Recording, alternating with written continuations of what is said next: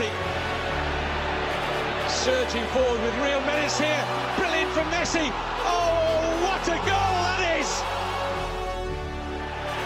It defies description. How about sensational? How about superb?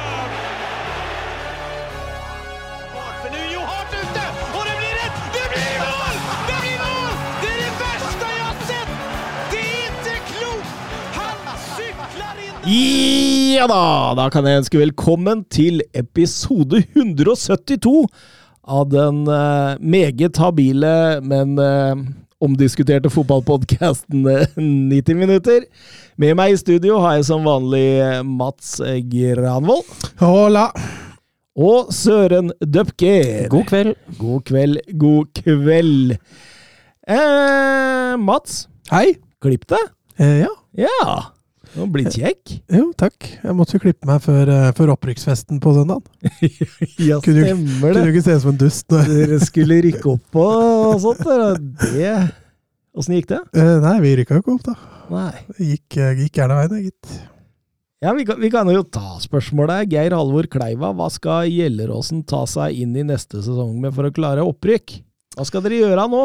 Eh, ja, nei, det er jo selvfølgelig et veldig godt spørsmål. Det er jo sånn at på, på breddefotballen så er det jo ikke fem-seksårskontrakter og sånne ting, så nå, nå handler det vel egentlig først og fremst om å få på plass uh, nye trener, nytt trenerteam. Uh, Bent Inge har jo gitt seg.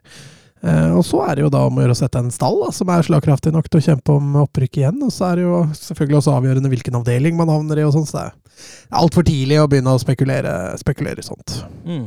Mm. Men det var en liten nedtur. Ja, definitivt. Jeg har vært i førersetet i, i to 23 serierunder, så, og da ikke klare det til slutt, når vi i, i gåseøynene i hvert fall hadde det i egne hender, det var, eh, det var kjempeskuffende. Jeg så hele benken som, eller, til eh, godset mot HamKam starta mot dere. Ja, ja. ja. Ingen ble bytta inn mot HamKam, så de, de hadde nok en kamp i bakhodet der. Jeg tror det. jeg tror det. Kom med sånne gullflosshatter og sånt, så jeg. Ja, ja, ja. Nei, de hadde forberedt seg, dem.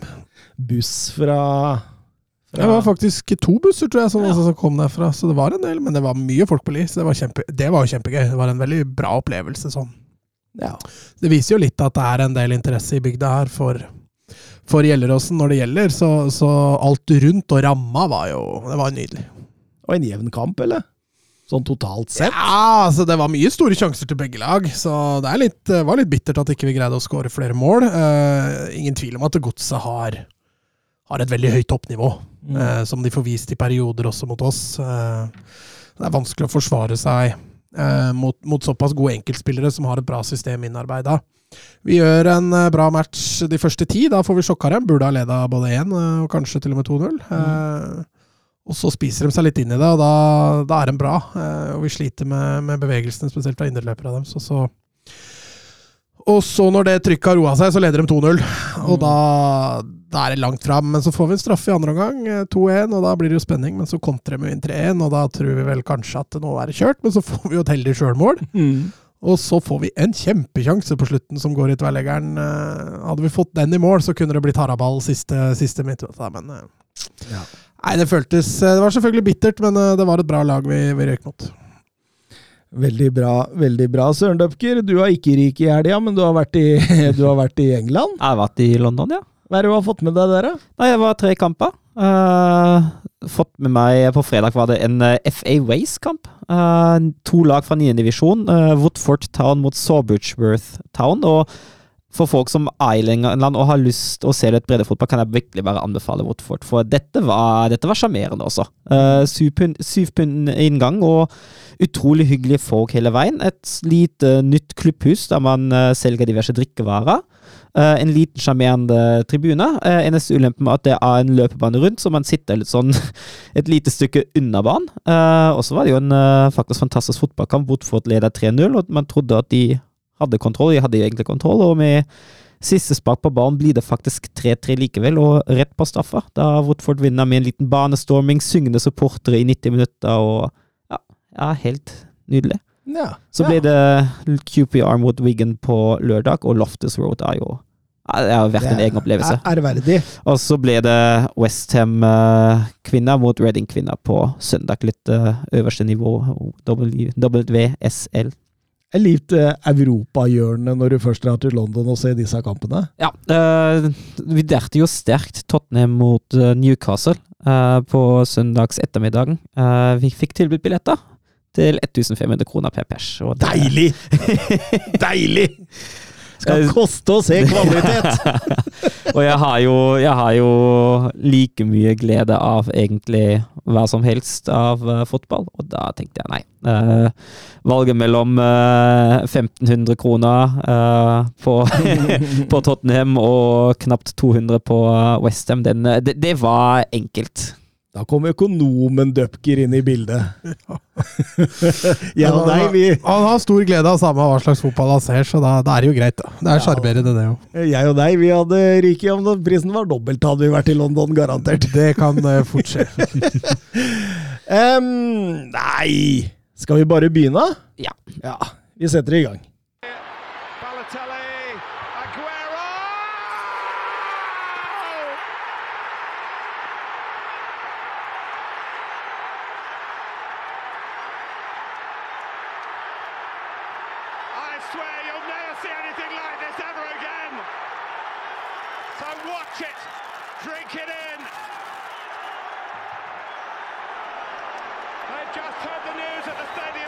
Ja, og vi begynner med Nottingham Forest mot Liverpool.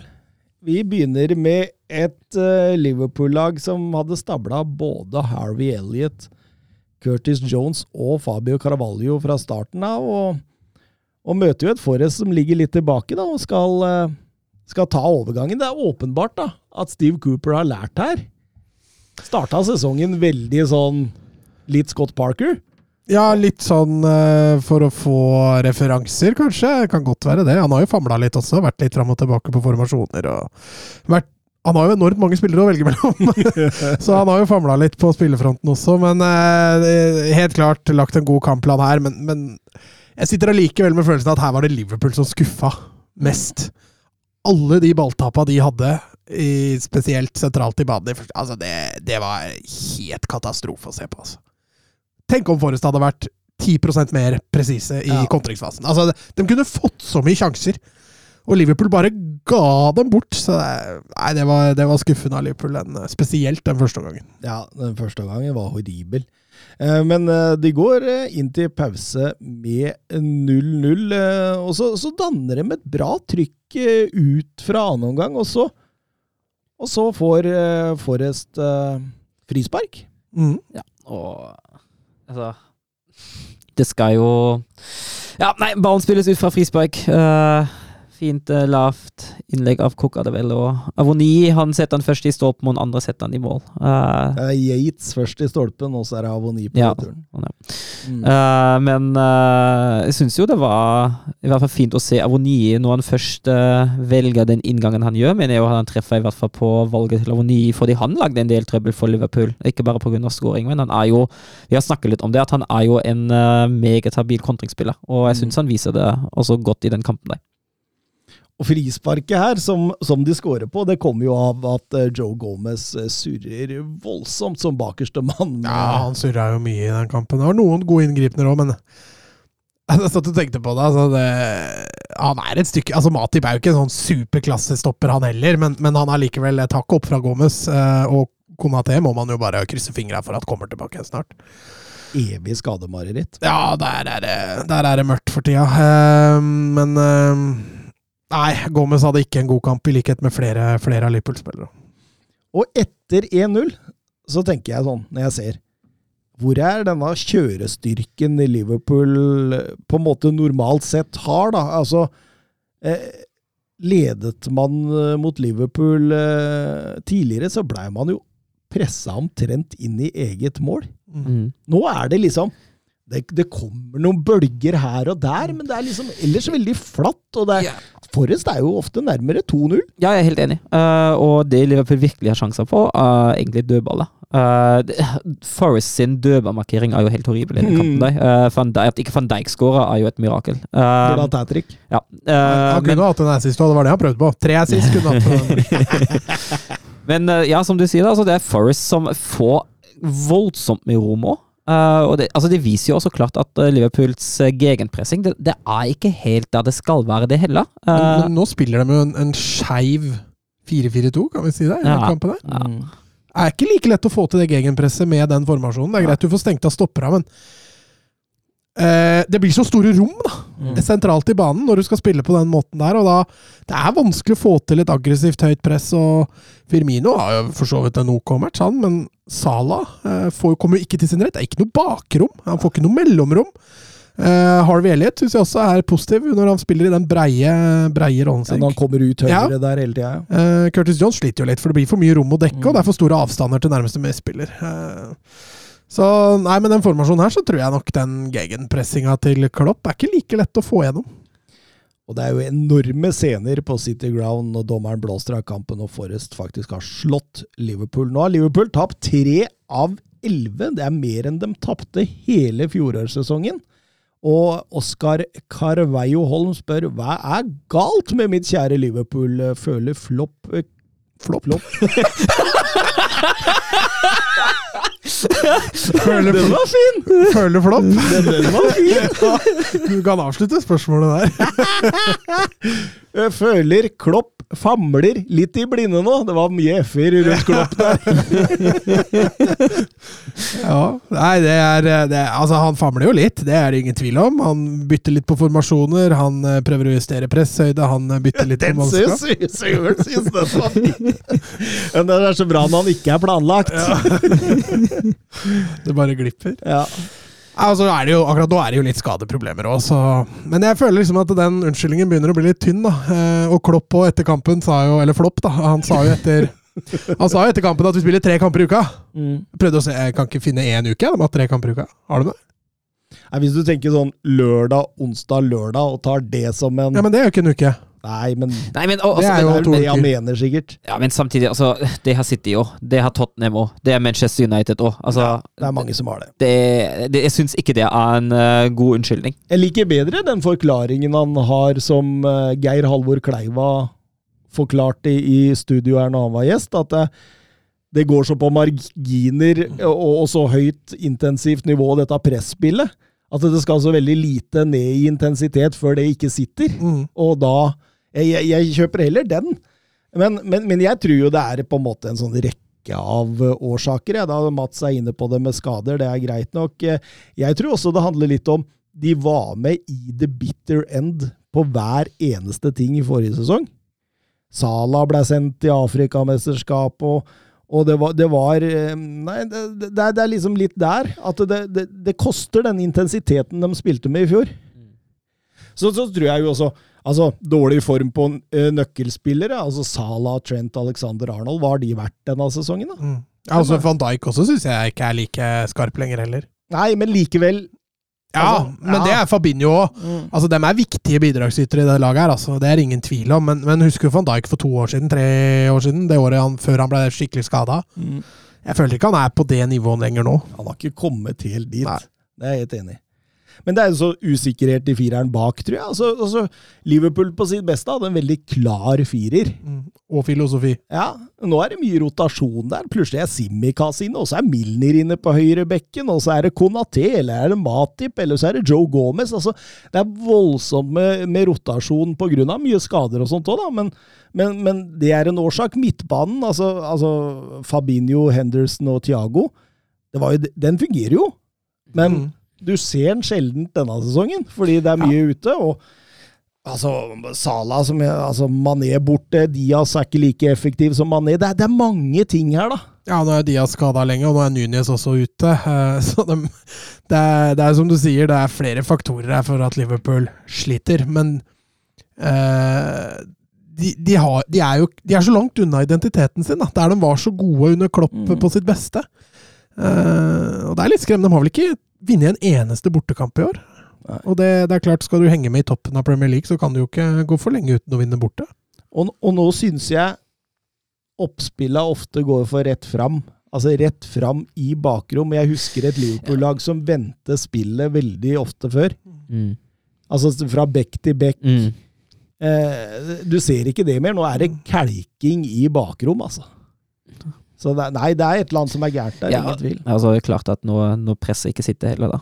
Så Mm. det, det er, de lever jo mye på, på presspillet og ta motstanderen på senga.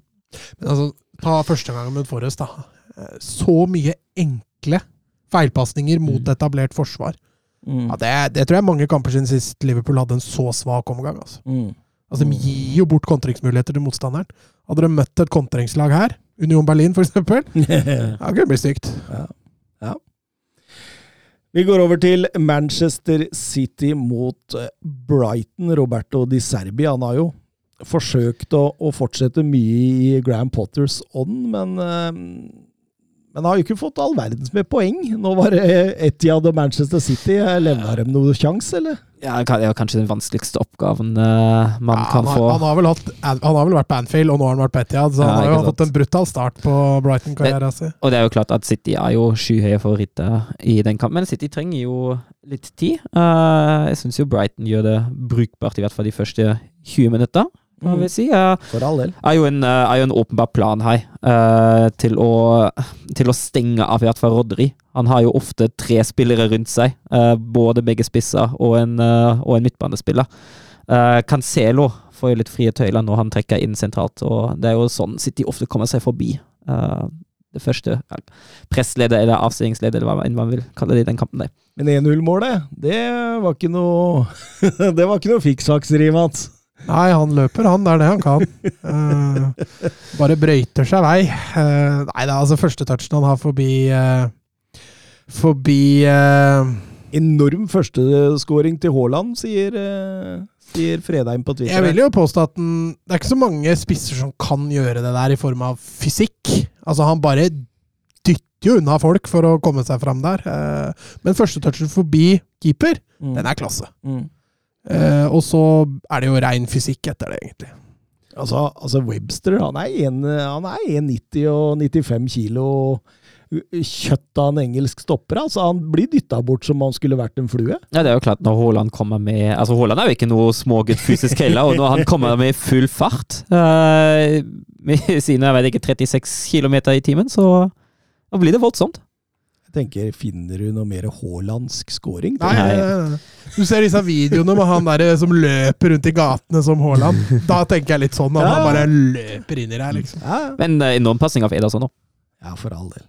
Men den der oppfattelsen Haaland har der, Mm. gjennombruddskraften, tempo, styrke, balanse det er, Han er kjølig foran mål der når han får sjansen. Ja, men det er jo som du sier, det er en veldig haalandsk scoring. Dette Og det er ikke Jeg tror ikke det blir så mange sånne mål i City. Nei. Så han må ta de sjansene han får, hvis han skal sette de. Absolutt, absolutt. Skåring i sin sjuende strake hjemmekamp i alle turneringer. Eh, Ja, det er sterkt. Han er glad i Etiad. Mm. men, men samtidig eh, deilig også når man ikke helt har fått til banespillet. Da, at man kan kalke 60 meter og rett i bakrom. Det. Ja, men de har jo, altså, nå har jo City fått Vi har snakket litt om det. City har jo fått en ny dimensjon i Haaland. Ja, Det er den spissen de har mangla forrige sesong. Egentlig på, både med tanke på tilstedeværelse i boksen og bakromspill. Ja. Nei, altså Brighton skal også ha- skryt for det de gjør når de stenger av, stenger av spesielt sentrum der. Det, det byr City litt på trøbbel, for de er nødt til å komme rundt hver gang. Så, så det å da ha en Haaland i bakrom de kan bruke innimellom, det, det, det gir dem en streng til å spille på. Samtidig, bra Brighton at de tør å stå høyt. Det er klart du blir straffa, men ja, jeg syns heller vi skal hylle at den, at den prøver. ja altså, det, det er såpass bra med ball i beina. Vi Mm. snakker om det å stenge av og presse høyt og sånn, men det er jo, det er jo faktisk ballspillere i det laget. Han Moise Caicedo. Mm. Han, er- han er jo helt Ja, altså veit vi jo hva Trossar kan, og Lalana er jo heller ingen, og McAllister òg er bra, så De trenger denne nieren. Trenger denne nieren, den som City fikk. Eller kjøpte, da. Ja, eller kjøpte. Kjøpte. Det, er, det er lov å si kjøpte. Ja. Straffespark til City. eh, rett før pause. Og Haaland er trygg. Bankerne var- Tok Ja. det lang tid for VAR der for å reagere, eller? Mm. Tror hun spilte en to-tre Ja, minutter. jeg. jeg, jeg skjønner ikke. Altså, jeg, jeg, jeg tenker jo den er klink. Mm. Den er det ikke noe å si på, og det er for sånne tilfeller vi faktisk har vei. Ja, ja, absolutt. 600. Premier League-mål under Guardiola for Manchester City når Haaland setter den eh, straffesparket. Det er kun to tidligere Premier League-managere som har 600 pluss skåringer. Wenger og Folkesen. Ja, takk. Men det setter det i perspektiv, da. Ja. Det gjør det. Um, men likevel, Brighton var ikke død. Leandro Trossard og ordner 2-1 rett etter pause der. Ja, han gjør han får Trossard mer sentralt i andre omgang, og det var viktig for å få et bedre trykk sentralt offensivt også for Brighton. Eh, Welbeck er jo er en bra fotballspiller, men han er best når han kan løpe med nesa mot mål. Trossar er mer toveis og, og byr på en litt annen utfordring for City-forsvaret enn det de hadde hatt i første år. Og da i denne perioden så sliter jo City litt, og jeg syns spesielt eh, Akanji på høyrebekk der. Mm. der. Han sliter offensivt òg, Ja. den kampen her. Ja, ja. Absolutt. Man har jo hylla han tidligere for at han har vært brukbar på, på både stopper og back i City, men eh, denne kampen her sliter han Ja, altså, vi snakker jo ikke en spiller her som er på konstant toppnivå, altså. Det er jo en spiller som har variert noe voldsomt i Borussia Dortmund også. Men, men får sikkert mye gratis av å spille for Manchester City, der vi har mye ball. Ja, selvfølgelig. Det hjelper han. Og så er han jo ikke den treigeste heller. Det hjelper jo det òg. Men eh, Kevin De Brøne gjør som Kevin De Brøne har brukt å gjøre. Han banker den til fra 20 meter. han. Ja, nydelig mål. Nydelig scoring. Og får litt vel mye rom i mellomrommet der City, og da benytter De Bruyne seg av sjansen. Han er jo, han er jo en av de spillere, uh, i tillegg til Son, eh, som er helt enorm når du ser på XG-tallet, og hvor mye mål han egentlig skårer ut ifra XG-en sin. Ja, men eh, når du får De Brøne rettvendt der, og du ikke er i balanse, og det går løp foran De Brøne Mm. Altså, du, du veit at du, dette blir dritfarlig, liksom. Altså, han kan legge inn i krysset, han kan spille gjennom, han, han, han har alt derfra. Mm. Ja, siden eh, De Brøne debuterte for Manchester City i 2015, er det ingen som har flere mål i Premier League utenfor 16. Ja, han er, han er en enorm skuddfot. Og det, det er så, altså det er, han er så komplett, da. Han Mm. har både passingsfoten og skuddfoten. Han kan, eh, han kan drible om nødvendig. Eh, han, han er brukbart i det defensive spillet, og han har en enorm oppfattelse av Roma. Det. Ja, jeg syns ofte Altså, jeg syns ikke De Brøne får nok skryt for det han gjør defensivt. Ja, for jeg syns han jobber knallhardt ofte, veldig ofte i press, og veldig ofte så, så er han jo en signalspiller i presset også. Ja, det er jeg helt enig. Nei, det, det, nei, en strålende fotballspiller, ingen tvil om det. Og da Du kan jo si at eh, Brighton var død etter det. Ja, få 3-1 der. Det er jo heller ikke så veldig lenge igjen av matchen. Eh, Men, men der de hadde en livline etter Trossard sin skåring og et lite trykk, så, så døde det på 3-1. Ja. Chelsea mot Manchester United og snakkisen i England den siste tida var jo Cristiano Ronaldo som hadde nekta å bytte inn mot eh, Tottenham i midtuka der. Altså, for en oppførsel. Altså At det går an at en eh, 37-åring oppfører seg som en 16-åring, da. Og så sitter du der da som trener, da, så har du gjort en kjempe, kanskje årsbeste.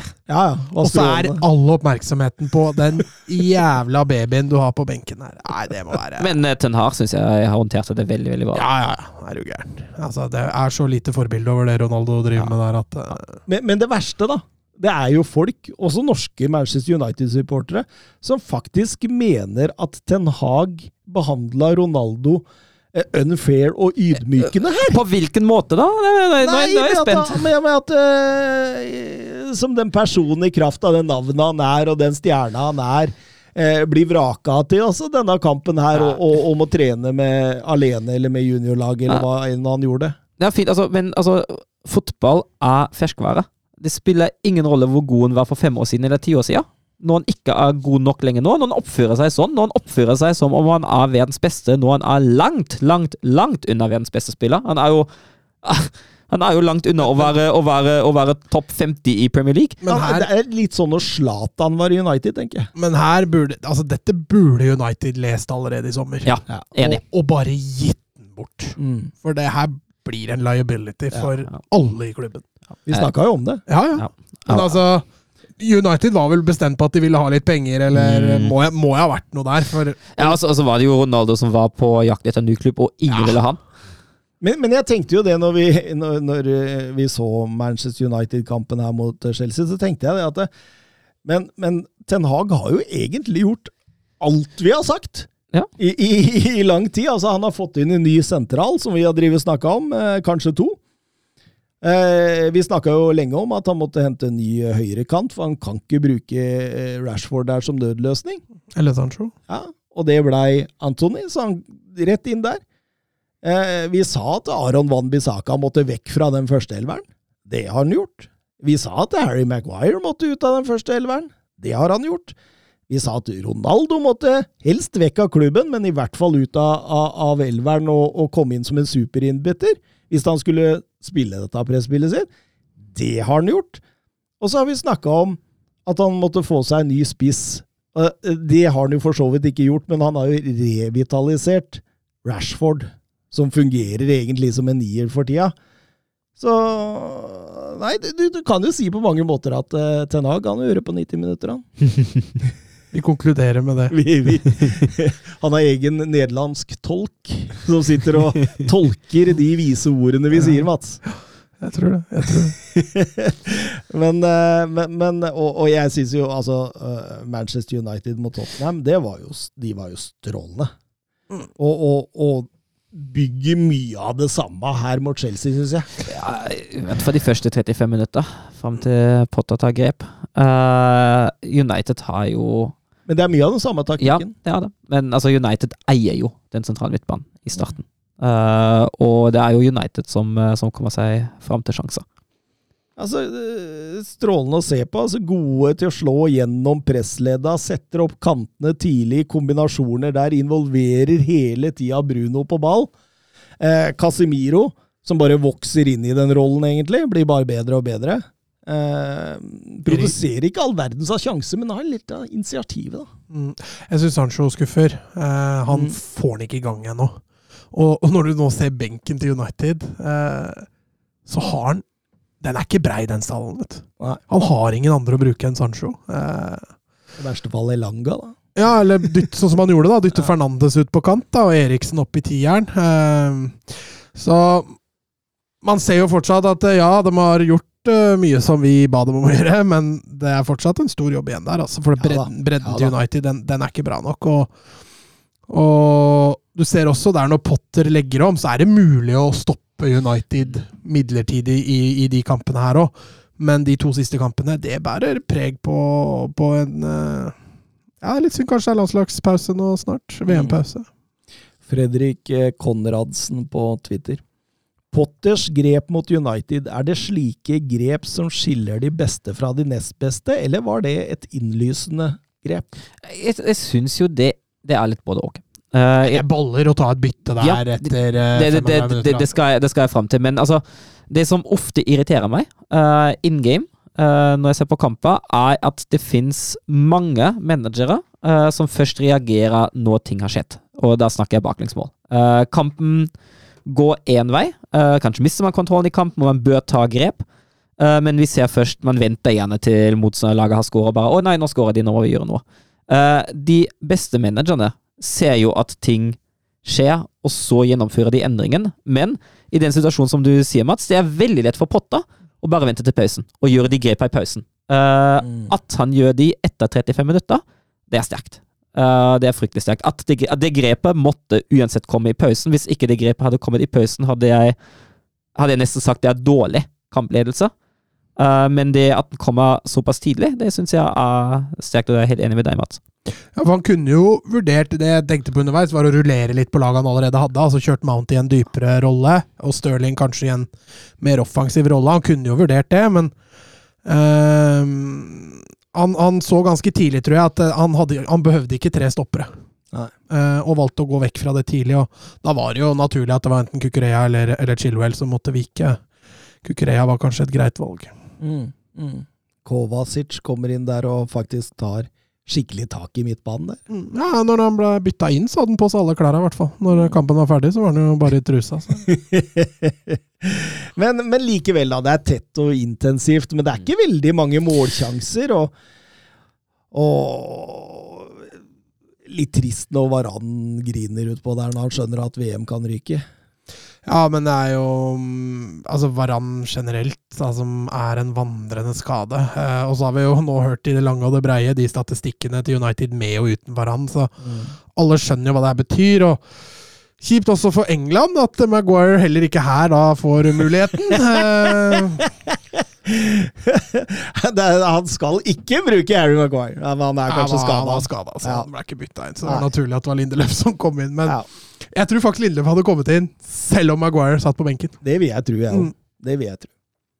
Men uh, likevel, altså lite sjanser. Shaloba har vel en han header i tverra der, som kanskje noe av det største før straffespark. Ja, det er, som du sier, det er, det er ikke noe som skjer i andre omgang. Det, en- det er en kamp da de nøytraliserer hverandre, i hvert fall etter byttene som uh, Så som skal McTominay ha fire Ja, minutter ja, ja. på banen før han klarer å Altså, Nei, det- nei, men- men, hvorfor altså- har du han på laget? Nei, altså, det, det er jo altså, Når McWire er ute, må jo noen ta den rollen der. Ja, ikke sant? Det, er, det, det, det, for, det der kunne fint McWire ha, ha gjort. Ja, ja men det, men det der Altså, det, hvor dum er du, da? Men, men sånn holdning Altså kanskje ikke så ekstremt. Nei, for det var så åpenlyst, og det var Ja, ikke trafikk ja. rundt engang, så du får jo rett innsyn. Det var det som var problemet der. For sånn holdning skjer jo ganske jevnlig innenfor eh, innenfor straffemerket, uten at det blir dømt. Mm. Men her har jo Dommeren har jo all verdens innsyn i situasjonen, så han, han må jo nesten dømme på det.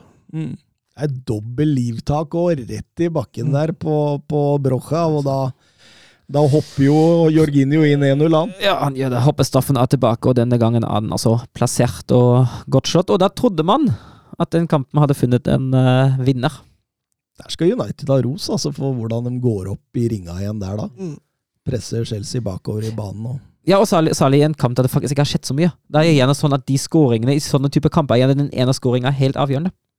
Det var millimeter på United Ja, sin. den Det er flyt der. Det er jo egentlig en klasseredning av Kepa. mm, Der er lang, altså. ja. Og det, det er så bittert når han tar den redninga, og han nesten så vidt Mm. får den ut, og så går det ikke helt likevel. Oh.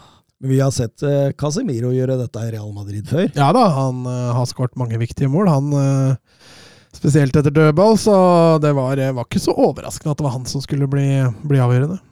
Og da blir det 1-1, noe jeg syns var egentlig fortjent. Ja, jeg syns United fortjente å få med seg noe herfra. Tønna på Twitter. Eh, har DGA blitt flinkere med beina? Synes det er litt mer selvtillit og bedre pasninger ut bakfra for tiden, selv om langballene ofte er unøyaktige og noen enkle balltall slås hit og dit. Ja. Involveres den like mye som man kanskje skulle ønske? Eller Ten Hag kanskje Nei, kanskje jeg skulle tror ønske? nok eh, Ten Hag ønsker å involvere den enda mer. Ja, jeg tror også det. At de spiller den ikke med mindre han får eh, enkle arbeidsvilkår. Ja, og så handler det jo om at United uh, under Ten Hag Jeg syns de posisjonerer seg bedre også, i frispillinga, og da er det litt enklere arbeidsvilkår, selv om man kanskje ikke er den beste med ballen i beina. Ja, for Jeg tror ikke Ten Hag er så god trener at De Gea blir en god fotballspiller eh, på, på tre-fire måneder. Altså, da, da, da hadde jeg blitt overraska. Men, men det kan hende at eh, De Gea har fått mye enklere eh, arbeidsoppgaver. Ja. At han har gjort det enklere for han sånn sett. Mm, mm. Ja, det er helt klart. Eh, fint, fint. Vi går over til Southampton mot eh, Arsenal, og det var jo et Arsenal som rista Southampton fryktelig godt fra starten av der, og kunne hatt både det ene og det andre, men det, Ja, det, han- det var Han Jesus burde vel hatt et hat trick i løpet av den matchen her. Men det var målskårer og, og storskårer Granit Xhaka som Ja, og, og, og servitør eh, Ben White. men, men for en revansj Sjaka har i denne sesongen her. Altså her, altså det var mannen som var buet ut, kasta drakta i bakken, fratapt, kap, fratapt eh, kapteinsbindet der. Altså, helt ny rolle under Arteta nå. Altså, han jo ofte, ligger jo ofte i den toeren dypt, men han eh, Han eh, Han er jo nesten Kevin De Brøne offensivt. Ja, han er jo blitt en, egentlig en klassisk indreløper eh, fra den dype midtbanerollen, eh, og bidrar jo voldsomt eh, i det offensive spillet. Samtidig eh, var det jo klart Altså, alt det som har skjedd med, med Sjaka før, det har han jo seg sjøl å takke for. Uh, og det, jeg vil jo heller si at det er han som har skjerpa seg voldsomt. Det er sikkert en, god del Atetas fortjeneste òg, for jeg tipper jo at Ateta ikke bare kunne akseptere situasjonen som hun var med Granit Chaka før. Eh, men altså, du ser ikke lenger de, de idiotiske villmannstaklingene som leder til utvisning etter 25-30 minutter. Uh, nå jobber han for laget, uh, stiller seg i lagets tjeneste og bruker, bruker sine ferdigheter betraktelig mer produktivt. Ja, så tror jeg det hjelper å ha en spiller som Thomas Party ved siden av seg, som Mm.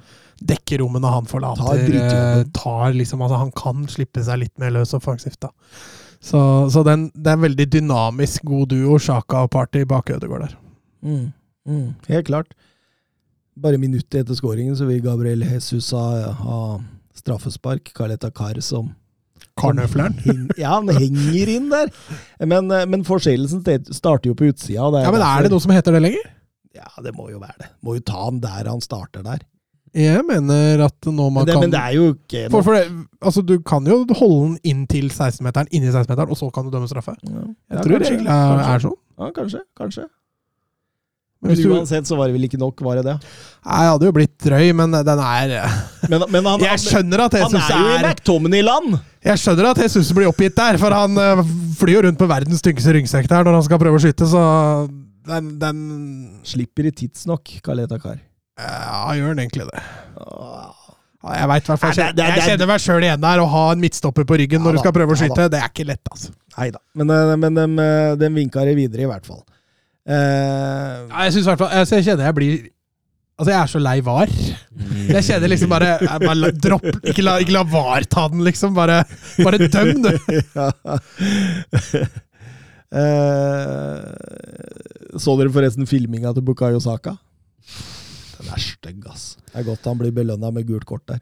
Uh, Burde ikke rødt, gult kort Eller burde ikke filming vært rødt kort fremover? Ja, jeg syns det. Når vi, når vi synes først bare, bare få det bort, liksom. Når vi først har vei Jeg tenker at en filming som enten prøver at Nei, nei, VAR skal ikke begynne med filming, altså. Da, Nei, men- da kommer det til å bli bare Nei, men, men, jeg kaos. men med, tanke, på- med tanke på hva har vi jo, har vi et sikkerhetsnett da, hvis du utviser noen urettferdig. Uh, men altså, filming i boksen når de prøver å, å, å jukse deg til et straffespark, eller når du prøver å jukse deg til et rødt kort til motspiller, så tenker jeg at det må bli rødt kort. Ja, ja, men, Når du, når, du filmer, når du filmer utenfor boksen, er det nok med gult, men jeg mener at straffespark eller rødt kort til motstander er en såpass stor fordel som du prøver å jukse på deg, at da skal det straffes med rødt. Og da får du også slutt på den ja, men, men jeg skal ikke bruke VAR aktivt i det, altså, for det, det blir for mye skjønn. Og da er det dette med rød tråd igjen. Og det, det, jeg, jeg, er enig med deg, jeg er enig med deg, men jeg tenker bare hvis man, hvis man først Hvis man utviser en spiller helt feilaktig, Å, så, sånn, har man, så har han et sikkerhetsnett der. Ja. Men ellers er det bare å peise på. Jeg er helt enig. Synes det er synd at som ung spiller de, Nei, jeg liker ikke, ass. Nei, det er noe av det mest motbydelige som fins. Rett etterpå så har jo Gabriel Jesus den uh, situasjonen der han uh, planter en albu i, i duell med Lianco der. Og uh, Lianco blir jo irritert og, og, og, og tar igjen i ryggen på den der, og han stuper jo ned som en skutt. uh, men altså, det- altså, det- få det bort! Ja, det ene er jo film, og det andre er den overspilling. Altså, herregud, da. Jeg blir oppgitt, altså. Det der, der må Arteta få bort, altså. Det der ble, det ble mye i den første omgangen. Det er mye sutring og mye sånn der eh, De spilte jo dritbra! Fortsett med det, og konsentrer dere om det, liksom. Og ja, det, det, det er vel omtrent rundt den Jesus-situasjonen med Lianco der at Arsenal begynner å miste grepet i kampen der. Mm. Og eh, Southampton kommer mye mer inn i spillet. Og, og ut i annen omgang der så drar de jo med seg momentumet der. Er, er tøffere, er mer aggressive, vinner duellen og trøkker Arsenal mer. Og, og Arsenal ser nesten litt sliten ut, er det lov å si det? Ja, ja og og jo det, jeg syns det blir egentlig litt tydelig på 1-1, for da kommer Arsenal seg ikke i press. Ikke i det hele tatt. Altså det, og det er jo egentlig ikke en sånn veldig typisk Southampton-skåring. Uh, men Southampton bare spiller seg forbi Arsenals press uten at Arsenal i det hele tatt egentlig er nære. Og da blir det stort strekk og stor rom. Ja, jeg syns ikke Arsenal Hæ? Nydelig. av Ja, Elionossi. ja, bra gjort, Elionossi. Uh, skrytes når det fortjenes. Han drar fint inn her og spiller nydelig gjennom til Armstrong. Men eh, jeg syns Arsenal så slitne ut siste 20. De, de, de makta ikke noe sluttspurt i det hele tatt. Og, og på slutten så virka det som egentlig de tenkte at ok, her er ett poeng. Helt greit. Vi må ta det vi får. Nå er det jo i likhet med, veldig mange andre, nå, nå er det jo gått lørdag, torsdag, lørdag, torsdag, lørdag, torsdag hele veien. Så det, nei, det, det, dette sliter jo på dem. Jeg lurer på åssen det VM-et blir, liksom. Nei, altså, altså- det må jo være en haug med slitne spillere som går inn i VM. Ja, altså, altså, altså- så skal du rett inn i juleprogrammet ja, i, Premier League. ja. ja. Etterpå. Jeg så det var Rett inn i boxing day! Og det var noen supportere der som var rimelig forbanna på det oppsettet fra jule, juleprogrammet i Premier League der, altså. Ja, problem, problemet er ikke nødvendigvis det oppsettet. Det problemet er jo det forbanna VM-et som spilles i vinter. Så dere den nyeste artikkelen i Josimar?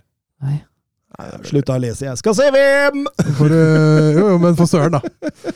For, øh, så hvor mange de hadde antatt at det daua nå, når de bygde? Nei, hvor mange av det? 15 000. Nei, fy Det er mye, ass. Det er, my- altså, det er jo ikke, det er ikke et tall de veit, da. Men de, øh, Det har vært korona nedi der i løpet av den tida òg. Amnesty estimerte på rundt 15 000. Nei, det er oh. Nei. Nei, det er drøyt i så fall. Det er sinnssykt drøyt. Tottenham-Newcastle. Eh, Apropos sportswashing. apropos litt eh, slitasjer og skader nå. Conte er jo nærmest tvunget til å spille denne 3-5-2. Fungerte dårlig mot United. og og, og, og fungerer riktignok bedre her. De, de er jo det klart beste laget i stort sett hele matchen, men Men eh, Newcastle har noen perioder hvor Tottenham sliter veldig. Ja, ja Jo. De jo, kommer du- seg liksom du- ikke ut, og de sliter med å få satt kontringene sånn 100% Sånn har noen avslutninger i starten. Han har vel tre avslutninger innafor fem minutter der. Mm. Uh, Men, men det sliter å fange opp Kane tidlig der, og derfor styrer Tottenham mye av det. Han dikterer mye av spillet, og, og, og, Tottenham for så, for så vidt klart best. Og så, og så roter jo Joris til voldsomt, da. ja, Der trodde jeg han skulle dømme frispark. Ja, det, altså, Jeg så den også, tenkte Ja. jeg. Det ser jo brutalt ut, liksom. Det er jo også, altså Da går jo Loris i bakken som om han skulle blitt skutt. Jeg, jeg, jeg, det skjønner jeg ikke heller. Altså, han, Det gjør det jo. Mhm. Det gjør det jo. Altså, Jeg sier ikke at det er frispark, Det er men jeg ikke. sier at det, han kolliderer jo med, med Wilson. Jeg tror, ikke han, jeg tror ikke han filmer på seg det der. Nei da, men jeg, jeg, tror Det det tror jeg jeg tror det er litt sånn Å, farken, nå dreit jeg meg litt ut.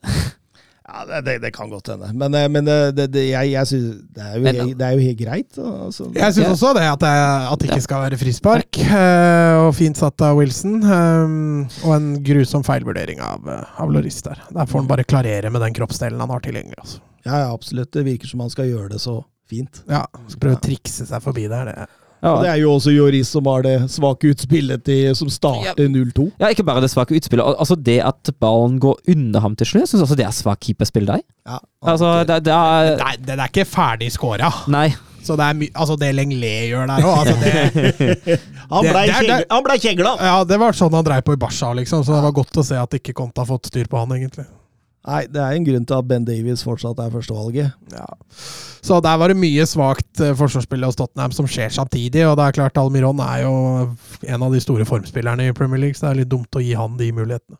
Men det er jo litt utgjort at det er 0-2 til, til pause her, og, og, og i hvert fall eh, min mening, da, er at Newcastle er klart best fra pause til Tottenham skårer der. Mm. Det er jo den perioden de, de på en måte styrer, og, og, og da scorer jo egentlig Harry Kane i motspillets gang. Med en ryggsekk. ja, med Trippier, da. Han bare hang over. Eh, Kanes tiende mål denne sesongen. Skåret ti på tolv. Han har aldri starta bedre i Premier League.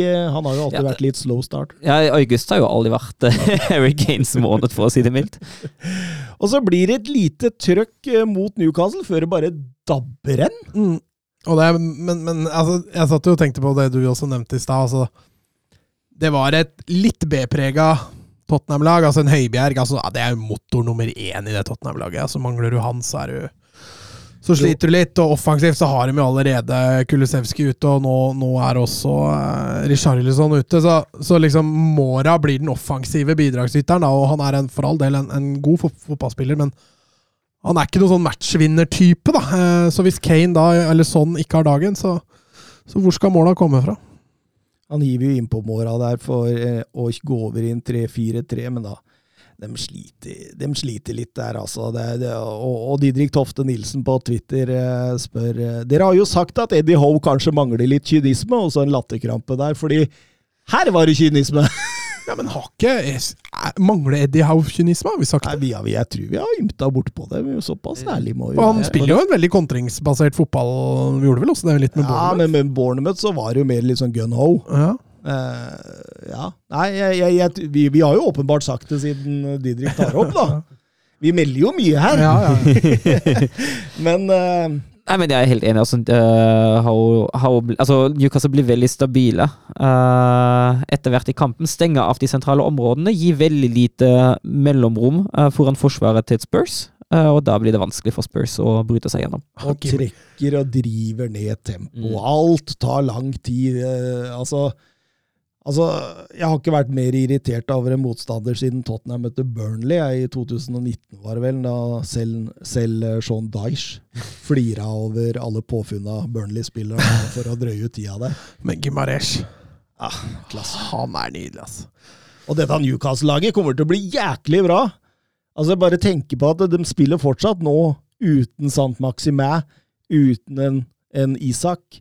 Altså, og, og, og mer påfyll kommer det til å komme utover der allerede fra januarvinduet. Mm. Så det der jeg ser eh, Så veit jeg ikke hvor mye vi skal hylle et lag som ofte spiller med saudiarabiske landslagsdrakter på bortebane. Ja, nei, det er, Da er vi jo inne på sportswashing, som, eh, som Mats hintet til i starten. opp. Den er faktisk, det har vi ikke snakka om før, men det er, det er litt sånn Når du ser Newcastle dykker opp i hvite Og skjorter og grønne Ja, det, det, det, det, jeg- jeg syns det er ganske Det er fælt! Ah, Det er litt flaut, egentlig, for en Newcastle-sporter må jo være det. Ja, må Ja. det. Eller nå var det jo hele gjengen kledde seg ut som sjeiker under oppkjøpet der, så jeg veit ikke. Eh, Fredrik Konradsen på Twitter igjen. Kan jeg få høre Thomas snakke litt om Tottenham i 3-5-2 kontra 3-4-3? Og det er jo det mest omdiskuterte temaene i, jeg ser, i hvert fall, i alle Tottenham-forum og, og diverse diskusjonsfora rundt omkring i verden. og og, og, og 3-5-2. Det er jo en litt mer defensivt balansert eh, formasjon. Eh, Med den så får man Høibjerg og Mentakor litt høyere i banen, i form av mer sånne klassiske indreløpere. Eh, formasjonen, formasjonen står jo godt defensivt mot lag som både har to sentrale og tre sentrale midtbanespillere, så man får sjelden dette undertallsproblemet sentralt i banen, som, som vi har slitt litt med i enkelte kamper vi spiller 3-4-3. Jeg føler 5-3-2 passer veldig godt mot 4-3-3-lag. Ja, det kan, det kan ofte gjøre det. det kan ofte gjøre. det. Og så- stiller det større krav til vingbekkene offensivt for å være med på å strekke ut og skape bredde og komme rundt. Eh, men den er offensivt ganske mye svakere enn enn 3-4-3, og, og, og jeg mener jo 3-4-3 står Tottenham mye bedre, fordi, den, eh, fordi verken Høibjerg eller Bentacor er utprega indreløpere, men også fordi man mister en spiller i det rene offensive overgangsspillet, på en måte. da. Eh, og, og denne formasjonen vil gi større plass til Hoeng Min Son. Den gir Harry Kane mer friheter, i form av at han kan dryppe, dryppe dy, dy, dy. Han kan droppe! Han kan dryppe! Han kan droppe dypere! Dryppe droppere Dype droppere. Han kan dype droppere. og den trekker også motstanderens forsvar ut i større grad. Altså her er det vanskelig Det er vanskeligere å stå smalt med en firer enn det Eller det er vanskelig å stå smalt med en firer mot eh, mot 3-4-3. Ikke sant? Eh, og i særdeleshet når man kommer til wingbackene, da, så så, så, så, åpner det opp dype rom for midtbanen, og samt Kane får bedre betingelser. Og, og oppsummeringa for meg da vil være at det koster mye mer eh, offens, Eller for mye offensivt til at eh, jeg, jeg syns i forhold til spillemateriale og alt, så er 3-4-3 det er der Tottenham bør være, sånn som det er nå. Jeg mener det. Ja, men kunne jo ha spilt det. Kunne jo dytta inn på Mora på den kantrollen, og så droppa, droppa Skip eller Bizuma. Jeg tror ikke Conte har sånn full tillit til Mora. Um, Petter Støvland. Bråstopp for Conte nå. Hva skjer? Hvor frustrerte tror dere han er? Nei, den eh, Newcastle-kampen tror jeg han er voldsomt frustrert. For han, altså, han blir jo på en måte slått med sine egne våpen til slutt. Litt, i hvert fall. Mm. Mm. Og jeg tror kanskje altså det, det tror jeg kanskje er det ki- Ja, den kjipeste måten kan bli slått på. Han så litt resignert ut òg, mot United på slutten her. Nei, Jeg tror ikke vi skal krisemaksimere det. Altså, Ja, men altså, det- den dette er- kamp, er kampen. United, Ja, ja. liksom. men dette er pre ja, men der, der var de jo ræva hele Mm. veien. Det er sånn, jo altså, Stå på sidelinja sjøl når vi sliter. Det, det er noen ganger vi mister mot utover i annen divisjon. Der, er i annen divisjon, sier vi utover i, i, i andre omgang der. Eh, men, eh, men det er jo Premier League, og det er, det er, altså, jeg tror ikke vi skal krisemaksimere. Men det er klart, man må få tilbake Richarlison og Kulusevski. mm, Og man har rett og slett ikke råd til å, å, å hvile i treeren bak der i vesentlig grad. Altså Romero, Dyer og Davies de, de, de må nesten spille hver kamp. Ja, altså Her syns jeg både Sanchez og, og Lenglet viser jo hvorfor de ikke er førstevalg. Ja, Helt klart. altså Lenglet, Det er ikke bare den goalen, han gjør jo mye rart ellers òg. Han, Mm. han er jo fryktelig svak defensivt i den kampen her. Ja, altså Med kula òg. Jeg kjente jo han i Barcelona som en som liksom var med i oppspillsfasen der, men jeg syns han gjemmer seg litt. Og, og virker liksom litt sånn skremt. Det er litt dumt, for da får vel Barca han tilbake igjen.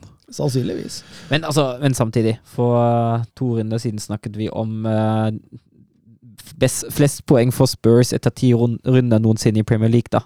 Uh, ja, og det er akkurat en uke siden. ja, ikke sant? Så altså, altså, men, altså, det er ikke akkurat sånn at man tapte mot uh, dårlig fotballag de siste to kampene der. Jo, jo, men grunnen til at man nå er litt sånn, det er, det er prestasjonen. Mm, ja. United var jo, var jo som Thomas var inne på, var jo grusom. Og, og det var jo ikke en strålende kamp mot Newcastle heller. Så. Men, men det er opp fra, New, eh, fra Manchester United. Jo, jo, men motstanderen også er jo litt ned, vil jeg påstå. Ja, er det. Newcastle mot Manchester United i dag har blitt en match. Ja, men hvis du tar spiller for spiller, så er United et mye bedre lag enn Newcastle. Ja, ja. Mye, Og- mye bedre er ikke mye. Bedre. Ja.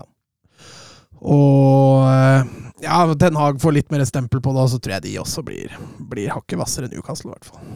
Ja, når arabiske pengene kommer, så Ja, det er jo det jeg sier. Om, med tid nå. United òg har vel noen amerikanske penger, har de ikke det?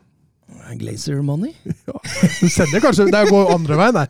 De sender pengene til Amerika. United. Ja, sånn var det bare. De sender klubben i gjeld, de, vet Ja, du, mann. sånn var det bare. Eh, Tor Christian Stensrud, tror dere Spurs sendte Madison eller en annen kreativ midtbanespiller i januarvinduet? Ja, det, det, det, det føler jo at det er kanskje litt det som mangler, da. Uh, vi har snakket litt om det før, at uh, det spillet mot etablert det er kanskje der problemene ligger mest for Konto og Tottenham.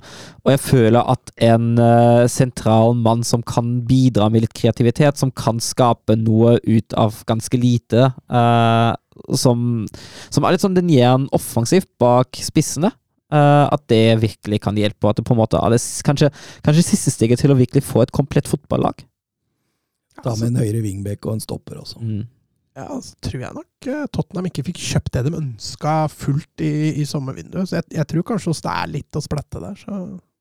Januarvinduet er vanskelig, altså. Ja, det er jo kronglete. Det er ikke bare å hente ut en Madison i januar, liksom. Det, det, det tror jeg ikke blir billig, i hvert fall. Absolutt ikke. Nei, da tror jeg man, da tror jeg man må se, se etter en enhetsspiller utenfor Premier League. The Pie tror jeg er billig nå. Det går jo så bra med han andre som Han Langli. Langli, ja. ja men det er bra å hente Barca-spillere. Morten Langli. Morten Langli. um, vi må snakke litt Villa. Uh, vant 4-0 med, med mm, caretaker Aaron Danks på sidelinja der, og plutselig frigjorde det mye energi der. Ings, Bailey, Watkins, det var enorme. Og nå har de fått ny manager, og vi har fått tre spørsmål angående det. Og jeg kan jo ta alle her nå, så vi får putta dem i samme sekk. Ole Haaland, good evening is back. En god match for begge parter. Hvem tar over i Villarreal? Tor Kjetil Mårdal. Revansjelyst noen av Emry, hva tror dere om han i, i Aston Villa? Og Kim Jansen, ta gjerne en snakk om Onai til mitt kjære Villa. Men Mårdalen, han stilte vel ikke Han sa vel ikke Villa? Ja, det er Billa, han, Billa, ja. han, jeg, Good evening, Men jeg Aston Billa. tror du han kommer til å si Aston Billa? Nei, men jeg så jo første pressekonferansen. Det første han sier til journalisten, er, er jo 'good evening'. Han er jo, han er jo tilbake. Ah, han er tilbake! Ah, så deilig! Uh, så nei, altså Først kan vi ta at Via Real ser ut til å ansette Kikiset igjen, som det står nå. Ja, jeg så jo uh, Petter Wæland, som er en uh, Iuga Via Real-supporter, ønska jo seg jo han, så det, da blir vel han fornøyd. Jeg tror også det kan være en veldig spennende match. Mm. Uh, litt mer offensivt anlagt enn uh, en Unai Emery. Uh, Emery i Villa Det er ikke så lett å, å å forutse. Det som er med Emery, han er en veldig solid trener. Han gjør sjelden dårlig jobb, altså at lagene hans underpresterer. Men så er det litt sånn som vi har vært inne på, han, han også tror jeg har et tak. Mm. Ja. Sånn at det går liksom hit, men ikke lenger. Du har sett det i Villarreal, og gjorde, hadde jo en, først en kjempesesong, eh, og så har det gått litt nedover. Eh, husker perioden hans i Valencia. Stoppa jo alltid på fjerdeplass, kom jo aldri høyere. Eh, og Spartak Moskva, der skuff, er kanskje den eneste trenerjobben han har gjort det dårlig i. Eh, og så PSG-jobben, husker vi jo. altså Fadesen på kamp nå, hvor de altså tapte 4-0-forspranget. Og Arsenal, som han heller aldri greide å få liksom helt opp, da. Eh, så akkurat den kan hende at Villa er som fot i hanske på, på, for Emery, men at det er et tak der som gjør at han antageligvis aldri blir i topp, topp, topp. Det, det, tror jeg ikke. Men altså, jeg tenker jo hvis, via, hvis, hvis Esten Villa klarer å etablere seg et sted rundt syvende-åttendeplass I hvert fall under Emery så er jo, er jo det strålende for klubben. Kjempelitt mot Europa, men, mm. men det, det, det, tror jeg nok eierne også ønsker, og, og, det er derfor Gerard får fyken. fordi det, det, er jo eiere som spytter inn mye penger her og vil opp og fram. Mm. Så det kan jo passe Emery. Men, men man har jo en imponerende CV. og men jeg syns jo han virker bedre i klubber som er i utfordrerposisjon. Mm. Og derav også Altså Hvis du skjønner hva jeg mener? Mm. At det, det, det, kan, det, kan, være Det kan godt hende de er inne på noe her, altså. Mm.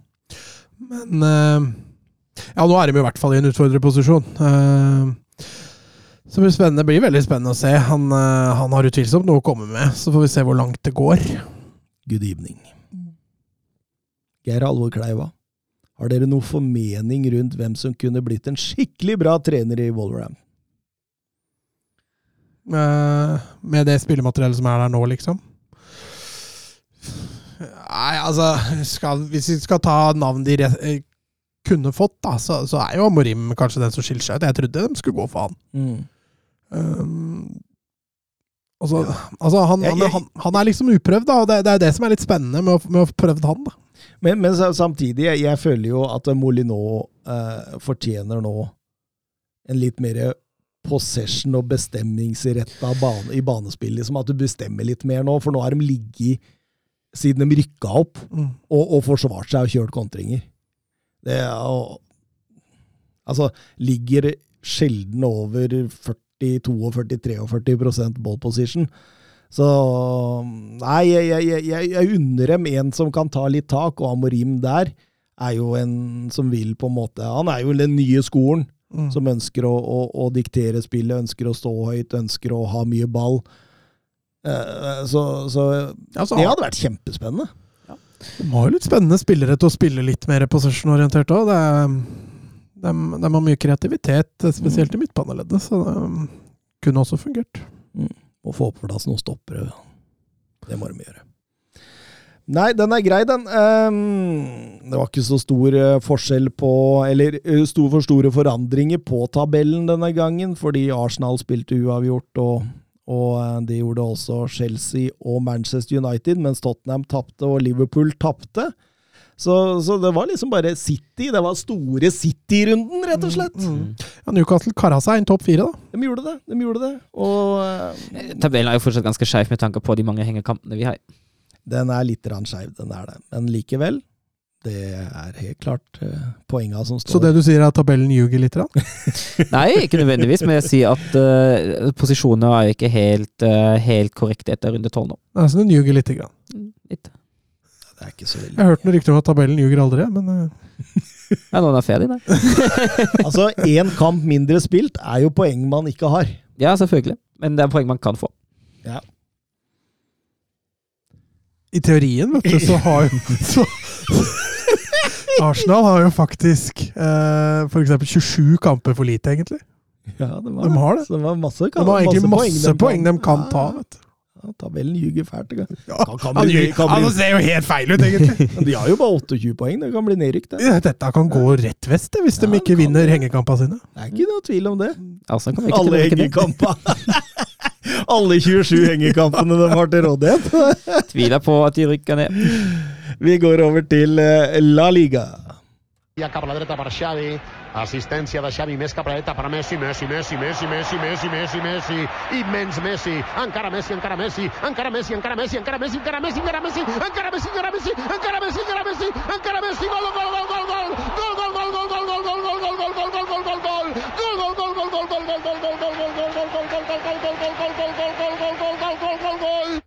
Ja, eh, vi begynner der med Real Madrid mot eh, Sevilla, og et Real Madrid som hylla både Benzema og Courtois før, før avspark, og en Sampajoli som åpenbart tar litt hensyn denne gangen. Ja, altså han eh, står jo med null tap så langt i Sevilla-karrieren sin, så han har jo noe å og vedlikeholde av en statistikk. Spiller jo da som vanlig nesten uten spiss. Ja. det gjør jo at eh, i første gang syns jeg det ser fryktelig flatt ut for Sevilla. De har ingen kontringspunkter. Og blir liggende mye dypt. Eh, Navas tilbake igjen i en sånn kantrolle. For å, så mye spiller jo da tidvis med to høyrebekker. Tar jo veldig hensyn til eh, Venitius. Kjøpt to venstrebekker og bruker begge på høyre. det er det han har gjort. Ja, Sampajoli er ikke god i det. Nei, han er ikke bra. Eh, Så, men, men de står jo greit imot. De får selvfølgelig den tidlige skåringa imot der. Fantastisk spill av Real Madrid. Men etter det så spiser liksom Sevilla seg litt sakte inn i, i matchen.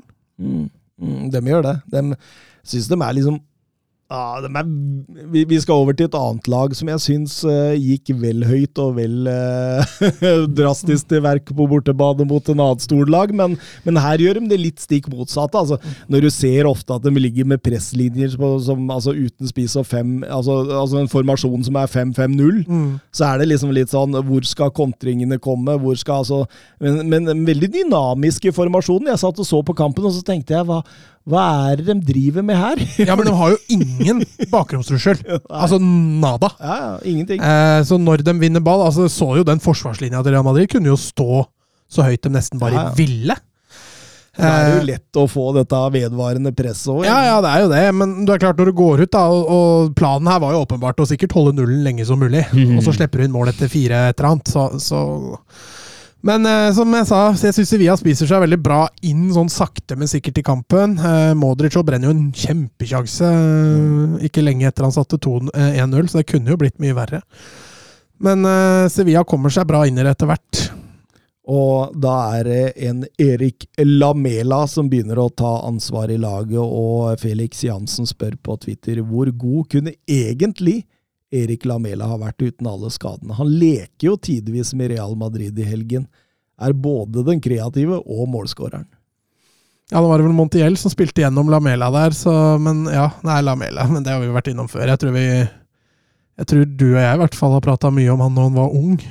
Gikk ikke han til Italia først? Roma? Roma, Roma, var det? Eh, nye Messi og hele opplegget, så Lamela kunne utvilsomt vært, uh, vært klasse. Han er klasse, men han kunne jo Litt sånn uvanlig, litt sånn kul teknikk. Litt sånn kul spiller å Nei, se på. Altså, er det noen som bruker såla mer?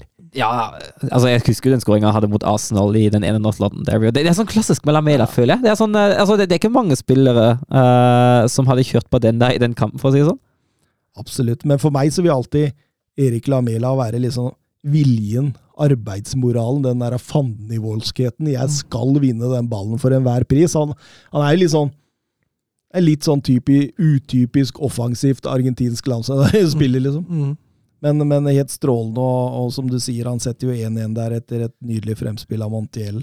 Skrå vinkel der, og utside, selvfølgelig. Han Mm. klarer jo ikke å skyte normalt, den gutten der. Nei, han er veldig, kæl, veldig kælbeint, faktisk. Det er morsomt å se hvor, hvor, hvor ofte hvordan han fører.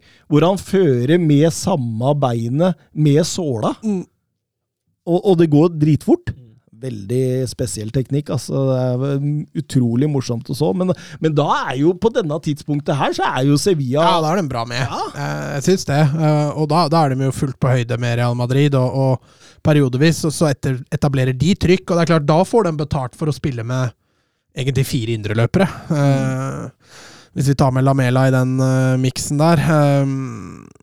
Men så blir de jo bitt i ræva, rett og slett, at de, at de har den formasjonen nå. For når, når de etterlater seg mye rom der til Venitius, så blir det Ja, Det er kanskje den spilleren du ikke bør etterlate deg så mye rom. det er, uh, Verdens snilleste mann, var det Ja, det? Nei, det er jo sterkt. eh, Ja, men Har vi sett dette av Venitius? Nei, faktisk ikke. Og det er noe Han ser jo litt etter Benzema, da.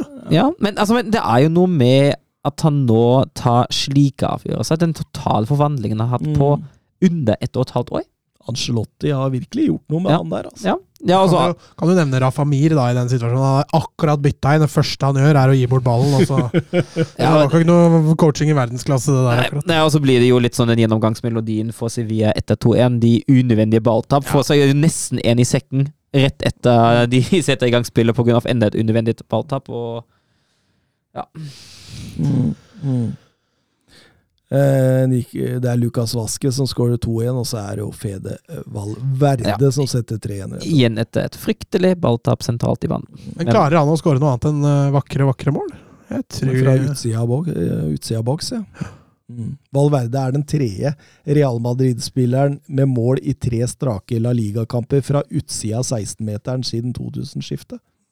Vet du hvem de to andre er? Altså uh, David, David Beckham? Nei. Eh, Steve McManaman. Han har ofte svaret på spørsmålene. Alltid Steve McManaman! Eh, Luka Modric. Nei, faktisk ikke, men det kunne vært. Tony Cross? Nei, det, han er det i hvert fall ikke. Uh, Ben- til Ronaldo, da. Uh, nei. James Rodriguez. Selvfølgelig. og uh, Schneider. Totalt er dette Valverdes fjerde mål denne sesongen. Alle er utenfor boks. Sist Real Madrid-spiller med like mange utenfor boks eh, i løpet av en sesong, var Cristiano Ronaldo med fem totalt i 15-16-sesongen. Så den eh, står vel kanskje for fall, og, og Steffen Hansen eh, sier på Twitter Hørte de snakket i La Liga Loca om Valverde som verdens beste midtbanespiller? Enig. Er De diskuterer det. Men han er jo ikke midtbanespiller! Nei, han er jo kant. Ja, Han er jo Eh, mer kant enn midtbanespiller. ja, Har men- du sett den ofte i treeren der, eller? Nei, men han er vel i utgangspunktet indreløpertype, er han ikke det? Ja, Han blir, han blir jo brukt som Ja, men kantspiller. når, når de bruker han som midtbanespiller, så blir han jo altså, da blir han jo bred, nærmest litt sånn Altså, han er jo ikke en sentral Han, han blir jo en bred ving-type, liksom. Han har spilt indreløper i år, i flere kamper. Ja, men du ser jo hva han gjør når han spiller indreløper, da. Da trekker han jo ut bredt, og så står det nesten to sentrale. Altså, altså synes jeg uansett altså, nå, Så lenge Kevin De Bruyne gjør det han gjør i Manchester City denne sesongen, hei, uh, syns jeg ikke at Valverde uansett kan betegnes som verdens beste midtbanespiller. Er, At han- er, er han litt posisjonløs? Ja. Ja, Hva er Udefinert. posisjon? Udefinert. Ja, Valverde, potet på høyresida. Ja, altså er det jo alltid vanskelig å sammenligne posisjoner. Da. Sånn som du sier, det er mulig han er en høyre midtbanespiller, hvis vi kan si det i beste fall. da. Eh, Sånn er det på, på fotballmanager. side midfielder. MR. Ja. De der som ikke kan du, skal, du kan ikke sette dem opp i mellomrommet. Du, du må ha dem akkurat på midtbanestreken, ut til høyre. Der er han. Eh, men eh, altså, jeg syns jo også Modric mm. er eh, klasse der. Ja, jeg tror nesten du kan ta med ja, Kanskje litt tidlig å erklære Chouameni der, men han også har jo vært Bellingham, Musiala, Gavi, Ja. Pedri Det er mye gode midtbanespillere, altså. Ja, Joshua Kimmich. Phil Foden er han. Han er kanskje nei, kant. kanskje litt mer kant han òg om dagen, da. Kanskje det samme som Musiala. men, men det er vel kanskje det problemet Nei, som, vi det, Men det, det er jo kanskje et problem som er når man skal kåre sånne, fordi det er jo så mange Altså det er jo mye mer flytende nå enn det var før. Og det er derfor jeg syns, jeg syns ofte det er mest fryktbart å heller ta ut en hel elver og kåre årets lag. Mm. Da kan man skyve litt og trikse litt og jukse litt. Men akkurat den beste på enhver posisjon, det syns jeg ofte er vanskelig. Keepere er litt lettere. Ja, Fins det bare ja. Det er jo keeper som er lett, ja, i så fall. fordi det, er, det har jo blitt sånn at det er veldig flytende, dette her. Og ja, for all del. Ja, og så og så er det jo også sånn at en, en sentral midtbanespiller uh, eller en indreløper i Manchester City kan ha en helt annen rolle enn en indreløper i Bayern München. Mm. Ja, ja. For all del. For all del. Nei, det er litt sånn uh, vanskelig. eh, Valverde er jo For meg så er han en spiller som trenger litt plass, og at han er sånn uhyre effektiv når han får plass, og derfor blir han satt opp veldig ofte i de posisjonene der, og veldig ofte ut på høyre. Jeg, hvis du skal spille med en som en sånn rein indreløper i en smal treer på midten, så, så er han langt ifra verdens beste midtbanespiller. Men hvis du definerer han som en midtbanespiller fra det han gjør høyt oppe høyre, da, så, så, så er han med i miksen. Mm. Det ingen tvil om det. Um, Eivind Stølen rangerer La Ligas sine fem beste spillere per dags dato. Federico Valverde må vel være med helt der oppe for et nivå for tiden. Jeg tenker Valverde er med. Jeg tenker også Venezia Junior er med. Grisemann Lewandowski. Mm. Ja, det Dembélé har gjort uh, her sist, har også vært uh, Har jo også vært høy klasse, høy klasse på. Uh, Der nevnte vi fem, da. ja. ja, Grismann har jo for så vidt vært, vært bra. kommer liksom ikke på mange som er liksom levert til La Liga som er Altså, du har mange flere der på ditt antall beste lag. Vi nevnte ikke. Benzema nå. Nei, men han har jo vært, han har vært litt ute. Vært litt ute og Ja, skada. Modric var jo klasse, ikke Ja. sant. Og vi skulle jo snakke akkurat nå, nå. Kan vi jo ta med et par forsvarsspillere òg, i hvert fall i Real Madrid. En Alaba og en, en Militao som, Mm. som, som spiller godt. eh. Det er, det er jo ikke for ingenting at Rudiger sitter på benken foreløpig. Nei. Det, det, det er mange å ta, men Valverde er der. Det er jeg helt enig i Eivind Stølen. Um, vi går over til Real Betis mot Atletico eh, Madrid og Simione Masterclass. Ja, den første gangen kan du fint spole over, og så starter vi i andre omgang. Men, men her, her vil vi ikke opp! Vi vil ikke! Altså, du, du kunne sagt til Simione Vil du starte etter 45 minutter på 0-0? Ja. Ja, det gjør vi! Men eh, nei, altså, det var jo, var litt flyt over Atletico, for den kontringsmuligheten de har der, det må jo fortsatt være altså, Det er jo halvmeter offside der, eller sånn, så ordentlig flyt at ikke den uh, blir tellende. For der gjør det mye rart uh, i den offensive markeringa på corner. Altså. Jeg syns også de har mye flyt offensivt, for begge mål kunne vel ha direkte unngått altså, Jeg, jeg, jeg, jeg syns det er svakt keeperspill på begge. Altså, All ære til, til Griezmann som skårer direkte fra corner, for all del, men altså Den skal jo Rui Silva ha. Ja, Ja, den første skal han i hvert fall ha. Den, den, andre, altså- den andre vil jeg si bare er dårlig flyt. Uh, Jeg vet ikke, Litt svakt. eh, ja, det er på ingen måte godt Det er nydelig spill i Ja, forkant. det er Ja. det det, det, det syns jeg man må trekke Men det er klart, når Atletico får 1-0 der, så må jo Betis også åpne seg litt mer opp. og Mm. Selv da så sender jo ikke Atletico Madrid mange spillere i angrep. Det er ikke snakk om å risikere noe. Nei, man gjør ikke det. Eh, Men uh, Grismann gjør begge og 0-2, og så får uh, Pellegrini inn Nabil Fikir, og da ser man egentlig et annet Real Betis offensivt. Det har vært et lite savn. Uh, Mm. Mangla den talismanen sin. Eh, eh, som kan operere rundt eh, Borja Inglesias. Eh, og det er klart, når du, når du mangler både eh, Nabil Fekir og Canales, så mister du eh, mister du mye kreativitet altså, i dette Mm. Betis-laget. Så, så det å få inn Fekir, det, det vil utvilsomt hjelpe på. Og det er jo som ofte skjer med Atletico Madrid, da, Søren, at når man liksom på en måte balanserer kampplanen på en knivsegg, så, så er, skal det ikke så mye til før det heller begynner å bli et eh, Altså at den seieren henger i en tynn tråd, da, og det, det gjør Ja. den jo bort slutten her. Det gjør det etter at uh, Fikir setter inn 1-2 på direkte frispark fra av av en liten meter eller noe sånt. Eh, I keeperhjørnet. En, eh, godt plassert og hardt skutt. Så, Og Blackbird, han. enig. Uh, en, kla- en keeper av hans valør Burton. ta. Du og jeg kan slippe den inn. Ja, greit, det er lov. Det er lov. Men ja, det holder jo inn til slutt. Og Atletico Madrid grinder nok en gang ut et resultat, altså. Det er, det er et sterkt resultat, hvis man Mm. ikke ser så veldig mye bak det. Eh, å slå Betis borte denne sesongen, det er ikke mange lag som kommer til å gjøre. altså. Neida, neida. Og det var så vidt der, Rui Ball hadde vel en i Ja, tåa der den er kjempestor. Altså. Det var ikke Ruibal, det var Moreno. Det var Moreno, ja. Uh, ja, nei, Det var en ellevill sjanse, og Atletico holder vel på å kontre inn på slutten der også, så det blir uh, Nei, Det blir litt sånn fram og tilbake der, men uh, ja, hvis vi kan si Simione masterclass, så, så er det vel i grenselandet av det. Ja. Ja, det er jo det, og det er, det er liksom en sånn Atletico Madrid-kamp man har sett så utrolig mange ganger Ja, før. ja. Er det. Du veit liksom hva du får. Du får eh, et gjerrig Atletico Madrid i første omgangen og godt utover i andre omgangen, og så får de et eller annet mål på et eller annet som er noe tabber, eller noe helt vanvittig prestasjon av en eller annen enkeltmannsspiller, og så har de fått kampen i sitt, eh, sitt lune, og de siste fem minuttene, kanskje ti, er det kaos. Ja. Er, Gjerne et par gule kort på benken og Men uh, Felixen, han sliter med spilletid. han vil jo vekk. Det tror jeg jo. Jeg så noen sterke rapporter nå på at han ønsker seg vekk. Feiret vel etter feiret vel heller ikke 1-0-skåring med lagkameratene sine. Nei, tror han er eh, Han er nok eh, Tror nok det kan gå mot et salg eh, til sommeren. Hvem er det som skal kjøpe han? For en milliard? Nei, det må nok tape litt penger på. Jeg veit ikke hvor lenge han har kontrakt. 26 eller noe? Ja. er det ikke? 25? Ganske, 26? ganske dyr enda. Ja, det er derfor jeg sier Og så har de jo splatt, de splatta jo en milliard for han, gjorde de ikke det? Eh, Det kan kanskje bli et utlån. da. leie ut en milliardspill Ja, det er Barcelona-takter over det, altså.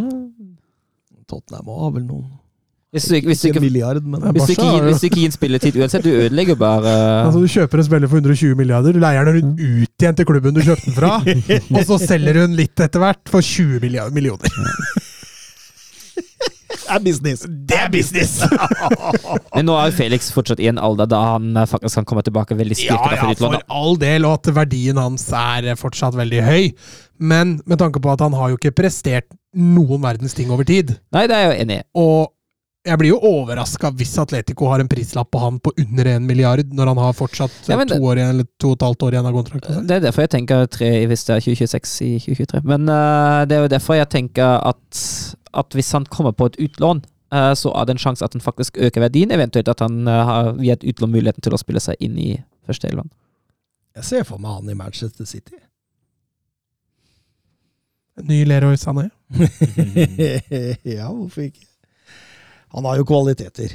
Utvilsomt, men han spiller jo for feil lag. Ja, ja. Altså, Hans Ja, ja. kvaliteter der passer jo I et lag som bestemmer. inn.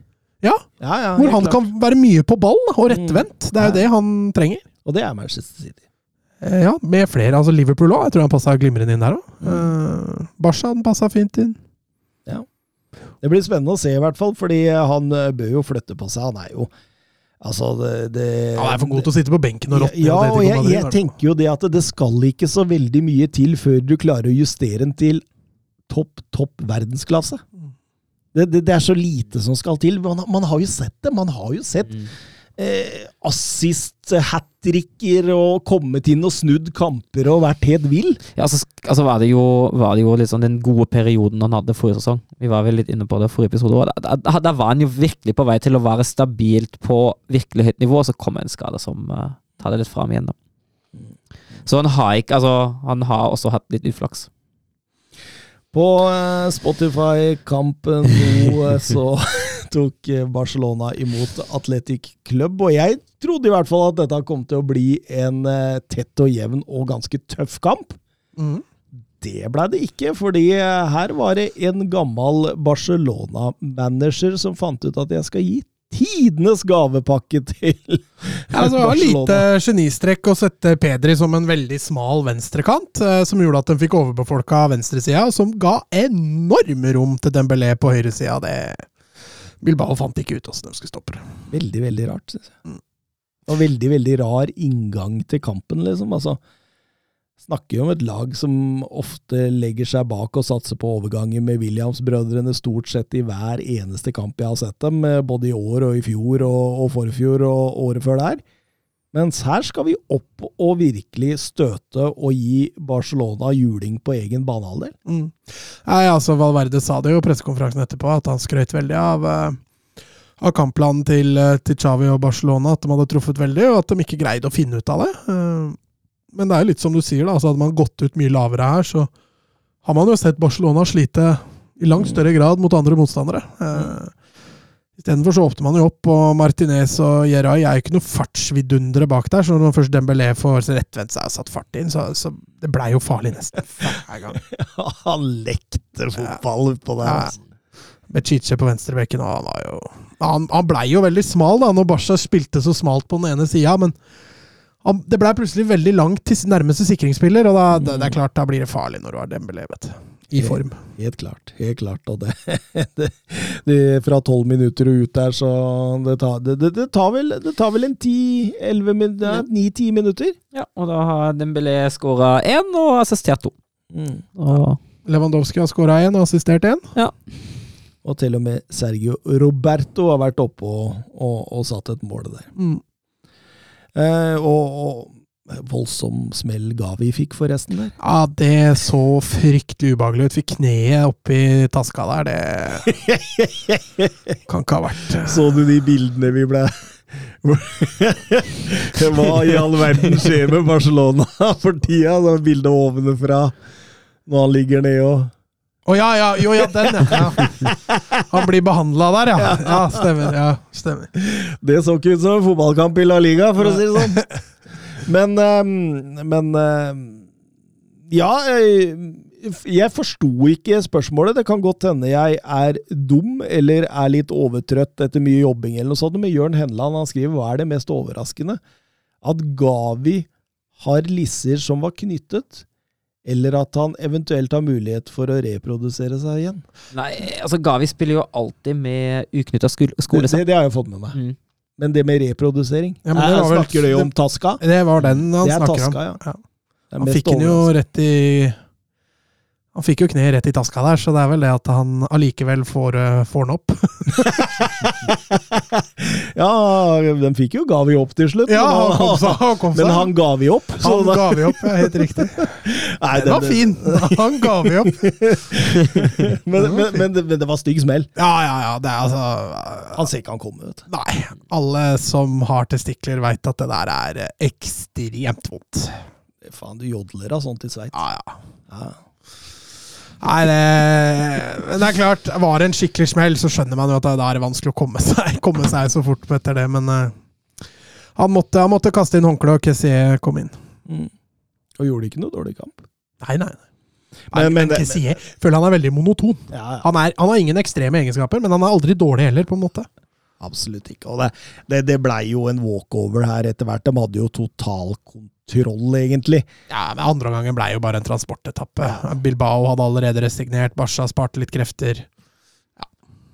Dembélé fikk sin tredje assist. Ja, Ferran Torres fikk en ny scoring, så det var uh, fint angrep igjen. Ut bredt, slår den inn foran. Litt sånn klassisk Barca-scoring. De fem siste i La Liga med hat trick i assister er Luis Suárez, Lionel Messi, Luka Modric og Joao Felix. Ja, det er Og nå Dembélé. ja, det er et fin liste, det, altså. Det er en grei liste med fotballspillere. Mm. Eh, Eivind Stølen, eh, 4-0 og 3-0 for Barcelona mot angivelig utfordrere i, i topp fire. Dembélé i form og humør. Er krisen midlertidig over? Jeg vet ikke, man er slått ut av Champions League, da, så Er de det ennå? Eh, Må ikke Inter bare slå pilsen nå, så Jo. er Barca ute? Det stemmer nok, det. Så Kanskje de drikker altså- altså- pilsen? Og så må vel uh, Barca også slå Bayern. Ja, ja, det må de jo. Mm. De skal spille i morgen, så Jeg vil fortsatt påstå at eh, sjansen er veldig slim for at Barca går videre. Eh, Krisen i form av eh, den formduppen de hadde etter landslagspausen, den tror jeg vi kan avblåse. Ja. Den er, der er de over den kneika nå. Eh, Det flyter litt bedre offensivt, så kan man jo si at både Villarreal og Bilbao innbøy litt til fest når de gikk ut sånn som de gjorde. Eh, Men vi får vel et veldig godt svar på det i morgen, tror jeg. Når Bayern står på motsatt banehalvdel. Da får man virkelig testa seg. Kommer man ut av det der med tre poeng, så, så ser det bra bedre ut nå. Mm. Alex Bjørkan fortjener Gavi å vinne Golden Boy over f.eks. Mosiala og Bellingham. Når det kommer til ren prestasjon av det man har levert på banen, syns jeg ikke det. Da syns jeg både Bellingham og Mosiala står over ham. Ja, for meg så blir det sånn litt sånn Ja, Bellingham, Jeg syns det er veldig rart at Bellingham ikke har fått. Ja, At enig. Bellingham ikke tok den, er for meg veldig spesielt. Altså, Gavi har en veldig særegen spillestil. Han har bra ferdigheter, og han har et trøkk i spillet sitt som ingen andre unggutter på den alderen har. Eh, men når det kommer da til Bellingham, så har han har alt, da. mm. Han har det trøkket. Han har også ferdighetene. Han, han leverer også jevnligere med målpoeng enn en Gavi. I tillegg så er han også litt eldre. Ja, altså, ja, og så har jo altså, Gavi har jo for all del fortsatt sjansen til å vinne neste sesong. Ja, da skal jeg ikke holde alder imot da når du vinner Golden Ja, Boy. Nei, nei, men, men, altså, men, ja, men, men jeg, ser, jeg ser heller ikke at Gavi har prestert bedre forrige sesong enn det Bellingham har. Nei. Og jeg ser heller ikke at han har prestert bedre enn det Musiala har gjort heller. for den saks Ja, men Musiala syns jeg har vært verdensklasse siden sommeren. Han Ja. har hatt noen kamper før det som selvfølgelig har vært veldig bra. Mens Bellingham har vært verdensklasse mot City, han har vært klasse mot Bayern. altså Han har levert over en hel sesong. Da. Leverer ofte. Altså, jeg syns ofte det er talismanen i Dortmund i de store kampene. også. Ja.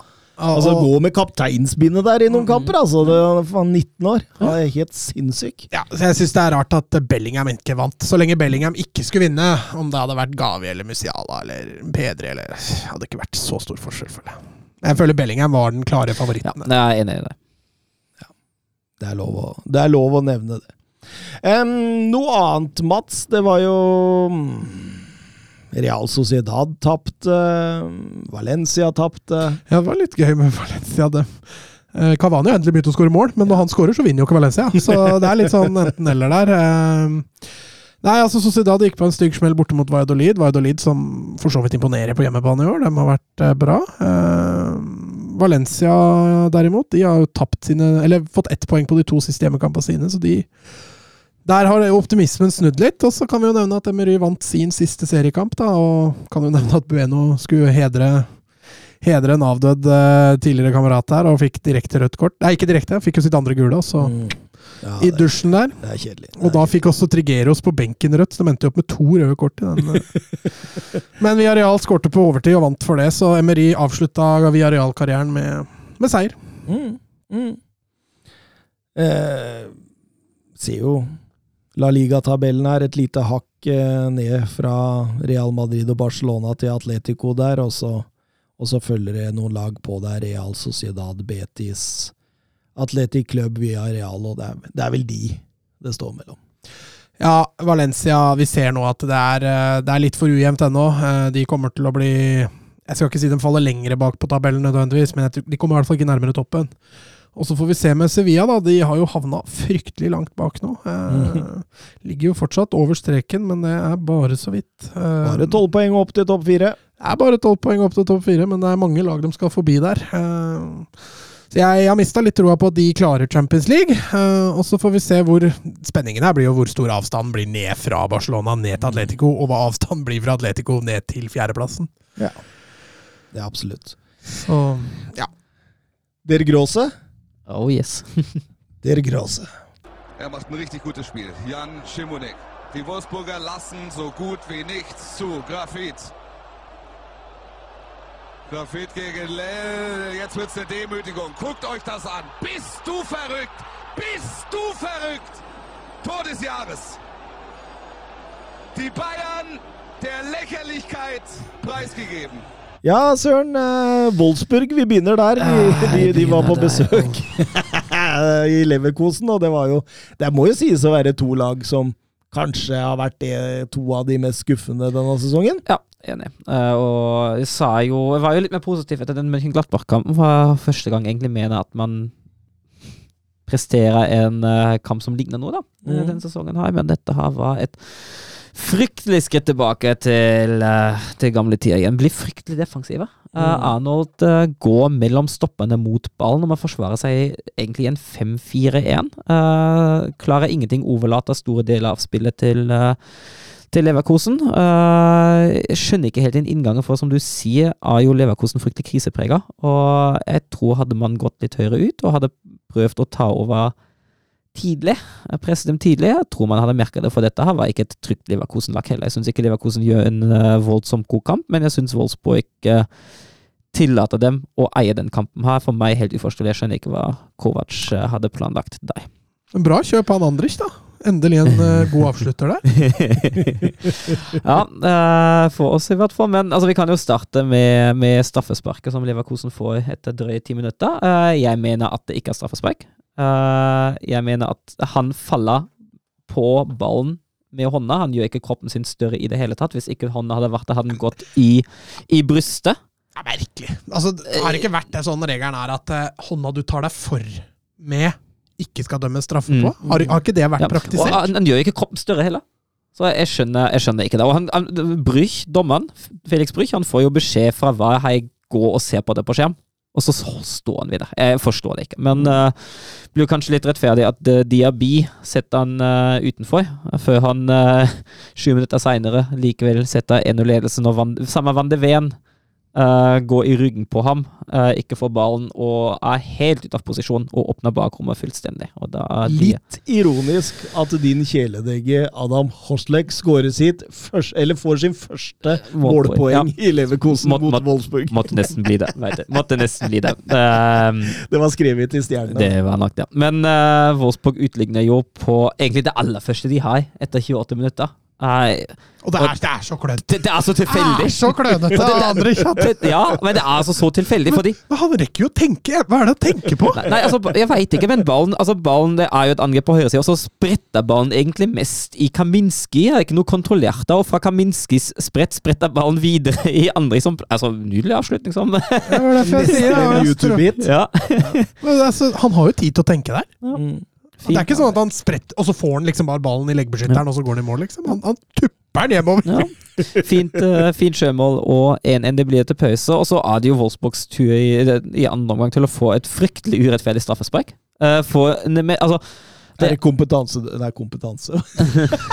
Nå, I dag går det gærent! I dag går det gærent! har du sagt mye rart. Hva heter det? Kompensering? kompensere Er Ja, det det kompensering? virker nesten sånn, men, det, ja. men uh, altså Ja, men jeg skjønner at han dømmer den på første Ja, fordi det ser sånn ut Det etter straffe. ser brutalt ut Ja. i starten, men Ja. når du får reprisen, så er det jo nesten frispark andre veien. det er det, Det er litt sånn Bruno Fernandes Ja. eh, Villa-opplegg. det er jo Felix Nemecha som stempla uh, Tapsoba, og ikke omvendt. Og altså, Jeg skjønner jo at Nemecha går ned for all del, det er ikke noe filming, men det er frispark til Tapsoba, jeg er helt enig. Og jeg syns det er så rart at Hva ikke sender Brüch ut på skjermen.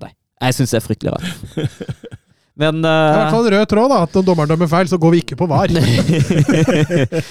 Arnold setter ballen til uh, 2-1 da. En uh, fryktelig heldig ledelse. Uh, Alonso reagerer, han går over til uh, 4-4-2. Um, og så blir det en, uh, en utligning til slutt. Uh, Frimpong uh, etter en uh, pasning av Sinkgraven. Altså Leverkosen siste, siste halvtimen. De har jo ballen mest og bleier nærmest Wolfsburgs men kommer seg ikke helt gjennom å utnytte en av de få sjansene de har. Wolfsburg skårer egentlig på det de har, og vel så det. Eh, fryktelig svak kamp. Jeg, skjønner, jeg skjønner ikke hva som var hvorfor, hvorfor det var kampplanen. Jeg skjønner ikke hvorfor man plutselig går tilbake til gamle synder. Eh, og øh, nei, Wolfsburg står oppført i den kampen med ett skudd på mål. ja, det, det er jo helt riktig. Det var straffespark. Det er godt helt riktig. skåre to. Men, men hør her. De siste tolv møtene lagene imellom har endt med enten U eller B, hvis du får, får hjemme, altså hvis Ja, men- du får hjemme, på hjemmebanen. Da. Og vet du hva som er veldig veldig morsomt? I de første fem Jeg husker ikke når det slutta, jeg tror det var i 2002 at Leverkosen for første gang vant i Wolfsburg, men fram til da endte de kampene der alltid med seier. Fra opprykket Wolfsburg hadde i 1997 Oh, Så det har snudd. til, det har snudd helt. Uh, Wolfsburg brukte en evighet til å vinne for første gang i Leverkosen. Det var vel i uh, 14-15-sesongen på våren 2015. Vant 5-4, leder 3-1. Leverkosen utligna til, til 4-4 og helt på overtid skåra Bastos sitt, fem, sitt fjerde mål for dagen og avgjør kampen til 5-4 i Wolfsburgs favør. Det var Wolfsburgs første seier i Leverkosen i en Bundesligakamp siden opprykket i 1997. Det er veldig spesielle greier. Ja, det- er den tredje lengste rekken uten hjemmeseiere mellom to lag Ja. eh, i Bundesligas historie. Det, det, det, er, altså det, er fascinerende. De kampene der har sin helt egen statistikk, altså. Jørgen Knutsen han han har tre spørsmål der. Han. Ja. Eh, Wolfsburg fikk Union Berlin på bortebane i DFB-pokal. Kunne det ha blitt verre? Eh, knapt. Uh, Bayern, uh, Bayern borte er jo en sterk kandidat til at det går, går verre, men Union på bortebane, den er, den er solid vanskelig, altså. Den, ja, den er, den er fryktelig tøff. Kan Sandhausen bli årets Askeladd i cupen slik Saarbrüchen var i 2020? Ja, altså nå har de jo Freiburg på hjemmebane, men altså jeg, jeg kan ikke helt se det for meg. Eh, og grunnen til det er jo at altså Jeg tror Freiburg tar den der. Uh, Freiburg er et såpass solid lag, og Sandhausen er uh, det, Altså, litt sånn Litt sånn grå, grå og kjedelig klubb. Ofte ikke mer enn eh, 4000 tilskuere innom portene. Spiller veldig defensiv fotball. Nei, jeg, jeg, jeg kan ikke se for meg at, eh, at det er de som klarer det. Uh, Ut ifra de forutsetningene de har. Har du noen noen alternativer til den? Uh, Paderborn, kanskje. Ja. Med, med Stuttgart på hjemmebane. Og for, litt sånn forfriskende offensiv fotball gjør det også ganske brukbart i andre Bundesliga. Og tredje spørsmål. Wolfsburg og LSK-legenden Klaus Reitmeier blir ikke nevnt. Nå må guttungen skjerpe seg. Ja, men det kan jeg gjøre. Eh, Klaus Reitmeier han er jo den keeperen da jeg begynte å bli Wolfsburg-supporter. Det var jo han som sto, eh, sto mellom, eh, mellom stolpene der, og det er jo han som sto i fem år, fra 98 til 2003. Fikk 163 kamper i Bundesliga for klubben og gjorde sakene sine stort sett veldig, veldig bra. Det er jo enda kulere at han også var i Lillestrøm i en periode. Uh, herlig, herlig keeper. Uh, herlig type ut ifra det jeg husker fra ham. Uh, karrieren hans i Wolfsburg endte jo med i en kamp mot Bochum, da han uh, var så uheldig at han fikk et voldsomt dypt kuttsår etter en ja, knott på en sko, og da Sier man knott? Nei. Jo, det er riktig. er det riktig? Ja. Det var så bra måten du la trykk på knott. Ja, men uh, og da, da husker, jeg husker jo at uh, spissen Diego Klimowitz sto de siste ti minuttene i mål, for Wolfsburg hadde bytta tre ganger, og han holdt, uh, han holdt uh, 2-0-seieren Eller han bokset 2-0-seieren for bokset ut alt som kom. og det som er litt morsomt, da, er jo at um, Reitmeiers reservekeeper i en periode, fra 2001, var Sead Ramovic. Fikk 15 kamper for Wolfsburg, han, og han var jo også senere en sesong i Lillestrøm. Mm. Mm. Men ja, Reitmeier er jo, er jo Hva het han? Heinz Müller? ja, han, han som knea Geir Ludvig Fedra. Ja. Ja, han ble jo, han ble jo seinere førstekeeper i Mainz i en periode. ja. Men Reitmeier er fortsatt på tiendeplass uh, i adelskalenderen i, uh, i Wolfsburg i Bundesliga. Og han er solid klubblegende, han. Du vet han eh, Jørgen Knutsen? Ja. Jeg syns jeg så bildet. Han, jeg tror kona hans jobber på Slattum skole. ja. Jeg tror hun har faktisk din stesønn og min sønn er helt urelatert til det vi prater om her, men det Artig at du kan Ja, sånn verden- kunnskap verden om våre litt- lyttere. verden er litt liten. Ja, ja, det er deilig. Det er deilig. Um, det er en oppe i Møretrakten også som har en, ku- som har, som har en Skal du briljere med lukka ku oppkalt etter døfker. Ja, det er nydelig. Jeg legger eh, bryllupsreisen til Oslo. Han, er, han var fin, altså. Han var fin. Uh, Dortmund Stortgart uh, ja, og da setter vi jo premissen etter to minutter. Eller et og et halvt Apropos minutt. Bellingham. Apropos Bellingham. Uh, For en kamp han har! For en ja, kamp han har! So soleklart banens beste. Han, han er jo jern bak egentlig alt Dortmund foretar seg, og han eier den sentrale midtbanen. Allikevel det kuleste øyeblikket var Reina. Ja, Fikk målet ja at Reina fikk målet sitt. Um, og, altså, men det Stuttgart driver med er defensivt, uh, det forstår jeg meg ikke helt på. For de, de romer de åpna, uh, den passiviteten de viser i spill mot ball, hvor enkelt de Eller hvor dårlige de klarer å håndtere Dortmunds egenpressing, uh, det, det syns jeg er fryktelig. Det ser ut som om de har blitt organisert av en norsk femtedivisjonstrener. Eh, Det, er- det er helt forferdelig. Og, Er det, er det verre enn tredjedivisjonstrener?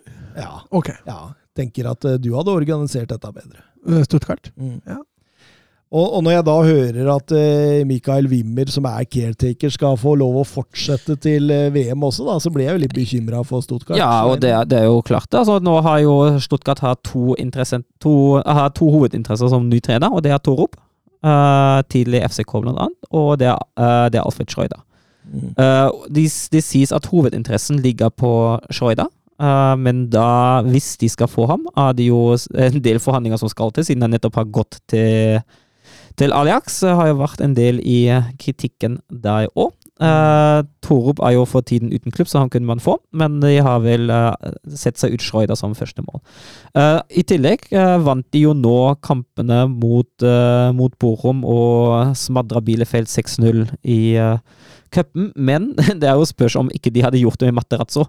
Ja. Det er liksom det som er altså, jeg, jeg føler jo kanskje at å, å basere den videre ansettelsen på de to kampene der, er ikke en særlig fruktbar avgjørelse.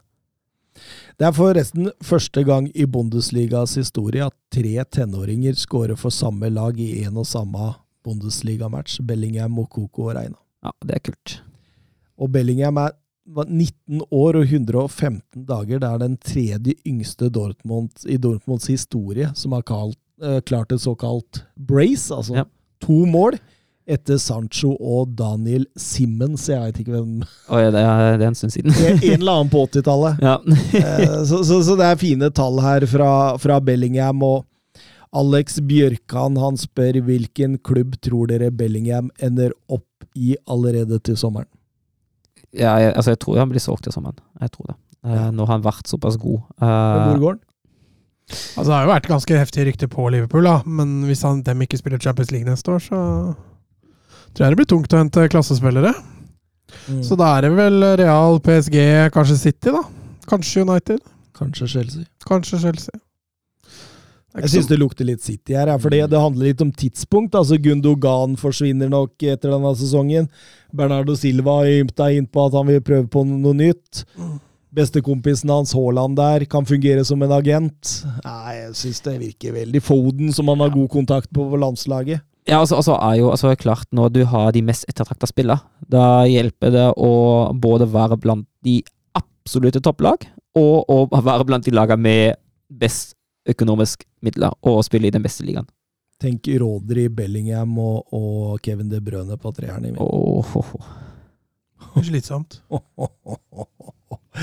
Augsburg, Leipzig 3-3 blei stillinga Ja, der, og og- det var en morsom kamp. En morsom kamp. I hvert fall i annen omgang. Ja, enig. Uh, det var jo litt stillingskrig i første, men Leipzig slet Altså, Augsburg går jo modig ut. Augsburg står høyt, uh, og Leipzig sliter lenge med det. Leipzig har den ene sjansen til Forsbakk etter en drøy halvtime, men ellers skapes det voldsomt lite. De kommer seg ikke helt eh, De kommer ikke helt til sin rett. eh, og Augsburgs eh, og Masens kampplan eh, den fungerer fint, den. ja, det kan du si. Eh, og så er det klart, når, når Rom eh, bestemmer seg for å bare rydde vekk Vargas i boksen der, da blir det straffespark og, og 1-0 ved Berisha. Um, egentlig litt sånn etter, etter Forsbekk sjanse, litt sånn det første som skjer, uh, skjer i kampen, da. Uh, og så er det i andre omgang er det to dødballer. Uh, Dimirovic som får headet helt fritt, uh, går opp uh, mellom Slager og Guardiol. Ingen føler seg helt, helt ansvarlig for ham. Og Vargas etter et frispark som skårer fra skotthold, og da leder de 3-0. Og da tenker man jo nå etter 64 minutter kampplanen har fungert utmerket. Det, det var det hele.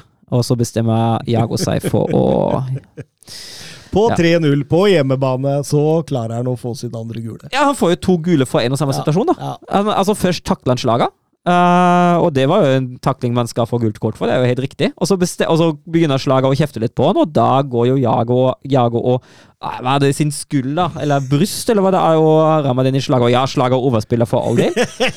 det var en liten Gabriel Jesus. der. Ja, det var det. Men altså, at, at, det, at det er gult kort for den der, det syns jeg egentlig er helt fortjent. Og jeg syns også det er bra at dommeren gjør det, for vi ser det så ofte i sånne situasjoner så der begge egentlig er gult, at dommerne ikke tør å gi to gule i en samme situasjon. du ser han gir gult, Ja. han gir først ett gult, og så Ja. gir han ett gult Ja. til. Han trekker hånda Ja. ned, og så rødt. Ja, og jeg, jeg syns det er fint. For ofte lar dommerne det gå rett og slett fordi man ikke skal få Eller dommerne ikke tør å gi to gule i en og samme situasjon. Strafferabatt det gjør med norsk rett òg, det, søren. Men da tar jo Leipzig fullstendig over. Augsburg er nå en mann mindre, og Augsburg klarer selvfølgelig ikke å holde det trykket oppe. Uh, samtidig kommer jo, kommer jo også en Konko inn, uh, og litt mer, litt mer kreativitet inn i Leipzig-laget. Han blir nok uh, hvilt, og Silva setter 3-1 etter nydelig spill av Orban og Shoboslei, som overloader høyrebekken. Konko sjøl setter direkte frispark som ikke var helt utagbart Og så, og så forstår jeg ikke helt Augsburg, da. De, de, de leder 3-2. Det er siste minutt. Det er jo 89 minutter Konko skårer. Det er bare tilleggstid igjen. Og de er en mann mindre, og de har stått høyt og løpt seg tom hele kampen. Og så går de høyt i press. ja. Eh, Rett fra Jeg, jeg, jeg forstår det ikke. De mister ballen og går høyt i press, egentlig rett fra avspark. Og så blir det presset overspilt. Uh, og det blir uh, Det blir voldsomt bakrom for Andre Silva. Uh, det blir en redning, men uh, Novoa setter returen. Nei, Jeg forstår, jeg forstår ikke den der. Jeg blir nok litt overmodig der, tenker jeg. ja da, helt klart. Helt klart. Og det, det, er, det er kjipt å lede 3-0 når det er 25 minutter igjen og stå igjen med ett poeng, Mats. Ja, ja, definitivt. Men det er jo er som Søren er innpå der, da. Eh, litt kynisme der, sånn, så vil jo Augsburg stikke av med tre poeng her. Kun 16 poeng på første 11 kamper for RB Leipzig. De har aldri hatt en svakere start i Bundesligaen. Eh, Marco Rosa han har en eh, jobb å gjøre. Og jeg, jeg husker jo at jeg leste meg litt opp om Marco Rose når når, eh, han kom til Borussia München-Gladbach gjennom åssen jobb hadde han gjort i RB Salzburg, tidligere Klopp-elev, Mainz fotball. Blei veldig nysgjerrig, hadde veldig store forhåpninger. Um, Borussia München-Gladbach sånn tidvis godt, ingen tvil om det. En kontringsbasert fotball, og gikk litt på bekostning av det defensive. og og, og, på slutten der, når han var klar for Dortmund, så husker vi jo at det var totalhavari. Eh, Dortmund, så var det litt sånn Å, kommer til Dortmund, spennende. Litt sånn Favre-type. litt sånn så ble det Hawaii, eh, ingen stabilitet der også. Riktignok blir de nummer to, men det florerer jo av personlige feil og, og masse sånn balansefeil i laget, liksom. Eh, men jeg liker jo typen, en manager som vil skåre mål og vil dominere kampene, men, men starten i Leipzig nå også er varierende, altså. Ja, veldig varierende. Det skal jo sies at litt i hans forsvar, han kommer jo inn i en vanskelig periode når det er så tett med kamper. Ja, men da skal du ha en viss effekt. Da. Ja, det er jeg enig i. Enig. Men, det, det, det, har jo ikke vært noe voldsomt mye bedre enn det Tedesco Nei, litt bedre syns jeg det har vært. Uh, men ja, jeg, ja, men det er i perioder, liksom. Ja, jeg er enig i det. Altså, Man ligger under 11 mot 11 her. Ja. Eh, 3-0 mot Augsburg på bortebane, liksom. Ja, og du ser jo altså den, uh, den Herta-kampen vi snakket om, den holdt jo på å glippe den òg, til tross for at uh, det var en 3-0-ledelse. Så det, det, er, det er litt den her veien vi har sett, sett i, i, Dortmund òg. Altså, voldsomt underholdende ja, at det blir mange mål i Leipzig-kamper, for all del. Men jeg, er, altså, jeg er ikke uenig med deg, altså. Nei, skuffa meg litt i forhold til hva jeg tror han kom til å bli. Um, Bayern München smadra Freiburg sist helg med Choupo-Moting som nier. Fungerte bra da. Nå var det Hoffenheim borte. Hoffenheim er jo et lag som presser over hele banen. Mm. og, og, Bayern har ikke mye tid med ball innledningsvis der, men uh, ja, det kommer seg etter hvert. Det kommer seg etter hvert, og eh, Joshua Kimmich skal ha mye ære for det. Fordi han, eh, når vi snakker om Bellingham som eier den sentrale midtbanen i Dortmund, så gjør Kimmich det i den kampen for Bayern München. Han eh, dirigerer og styrer det Bayern-spillet fra sin dype midtbanerolle. Altså. Han, han, gjør det, han, gjør det, veldig, veldig bra. Uh, mye det, av det Bayern foretar seg, skjer via høyresida, via Gnarby. Det blir en del vendinger ut der. Jeg syns også Chopomoting fungerer bra i den kampen, her, både som oppspillspunkt og som trussel i boksen. Man har jo savna litt en nier, da. Mm. I Bayern. I, i Men nå har de jo han! Ja, nå har ja, altså, han, han, han, hadde jo også scoring og assist uh, i cupen mot Augsburg uh, i midtuka nå. Ja, altså, Musiala setter jo 0-1 eh, etter 17 der, og så setter eh, Chopomoting 0-2, og nå skal du høre. Dette her er ganske gøy. Eh, har du fått det fra agenten hans, dette, eller? Eh, Ja, rett fra agenten. Choupo-Moting skårer i gjennomsnitt hvert 97. minutt som Bayern München-spiller. Robert Lewandowski skåra hvert 108. minutt. Ja, men Det skal jo sies at uh, Statistikk! Deilig! Statistikk er morsomt, men uh, det er jo klart altså Choupo-Moting kommer jo ofte inn uh, som innbytta i kamper som Bayern styrte fullstendig og gjerne leda, ja, 3-4-0. Men altså. artig statistikk. Ja, det er morsomt. Jeg tror du og jeg hadde skåret noen mål for Bayern i løpet av sesongen. Jeg tror faktisk det. Bare ved å stå der. Ja, ja. Men altså, det skal jo sies, altså, han, eh, ting, det er jo ikke hans feil at ikke han ender opp uh, med en assist der. For Goretzka skal, skal jo sette den han spiller på tvers der. Uh, og 2-0 innleder han jo sjøl uh, i mellomrommet, og så tar han det løpet i boksen. Så, altså, jeg jeg syns jo han gjør en meget godkjent kamp nå. Altså. Men det er jo rutineseier. Mm, ja, ja, det er det. Altså, det, det blir altså, det. I andre omgang. Altså, det skjer jo ingenting. Bayern, Bayern, Bayern, kontrollerer dette her uten å briljere. Uh, du har jo noen situasjoner der Hoffenheim kommer seg inn i bakrom i første omgang. Jeg tipper at Nagelsmann ikke var helt fornøyd med det. Ulrich har jo noen virkelig kvalifiserte redninger der. Mm. Uh, men i andre omgang da har Bayern full kontroll, altså. Nagelsmann har nøyaktig samme tall i Bundesliga som Niko Kovac hadde etter 44 kamper som Bayern. 29 seire, 9 øvert og 6 tap. men den uh, tabellen i Bundesliga? Ja, Den tetta seg litt til i ja. toppen nå. Jo, men de, fi, de fire som skal ut i Champions League akkurat nå? Union Berlin, Bayern München, Freiburg og Frankfurt. Yes. Ja, vi, kan jo, vi, kan jo, nevne Union Berlin, som gikk på en uh, smell bort mot Bochum. Uh, som slo Union Berlin med sine egne våpen. Uh, lå, lå, dypt, kompakt, uh, kontringsfotball. Ja. Aggressive, intense. Men der ser man jo hvordan man skal ta dem, ja, tenker ja, jeg. Altså. Ja, ja. Eh, og så kan vi også nevne at uh, Freiburg uh, de slo Bremen 2-0 etter at uh, Bremens midtstopper Friedel ble utvist for uh, takling som sistemann etter et kvarter. Men jeg ser ikke for meg at Bayern legger seg bakpå mot Union Berlin på Allianz Arena for å ta Nei. den på sitt Ja, egen og derfor er det akkurat det jeg og Søren sier òg, at det er typisk Altså, det her er en, det er en sånn snublekamp for Bayern München. Mm. Fordi der, altså der inviterer du, men er du smart nok til å bare legge deg litt der og tette igjen bakover og ligge balansert og kjøre kontringer, så ser Union Berlin ut som sånne hodeløse høns som ikke aner hva de skal gjøre med ballen. Problem, eh, det, blir jo litt altså Nå skal jeg ikke forsvare at man ikke velger den planen, nei, men altså, hvis Bayern begynner med det der på Allianz Arena, ta det fem minutter, så begynner folk å bue også. Det skal nevnes også, som du var inne på der, at Freiburg slo eh, Werder Bremen. Grifos 39. Bundesligamål, og går dermed forbi Luca Toni! som den han- mestskårende italiener i Hans Bundesliga. store idol, eh, og han, eh, han feiret jo 2-0-skåringa med, med den klassiske Troni-feiringa. Ja, han gjorde det. Ja. Ja. Det er deilig. Det er, det er fantastisk deilig. Jeg har sett Haaland har tatt den noen ganger òg. Ja. Mm. Artig. Vi går over til Serie A. era il marcatore di Cannavaro.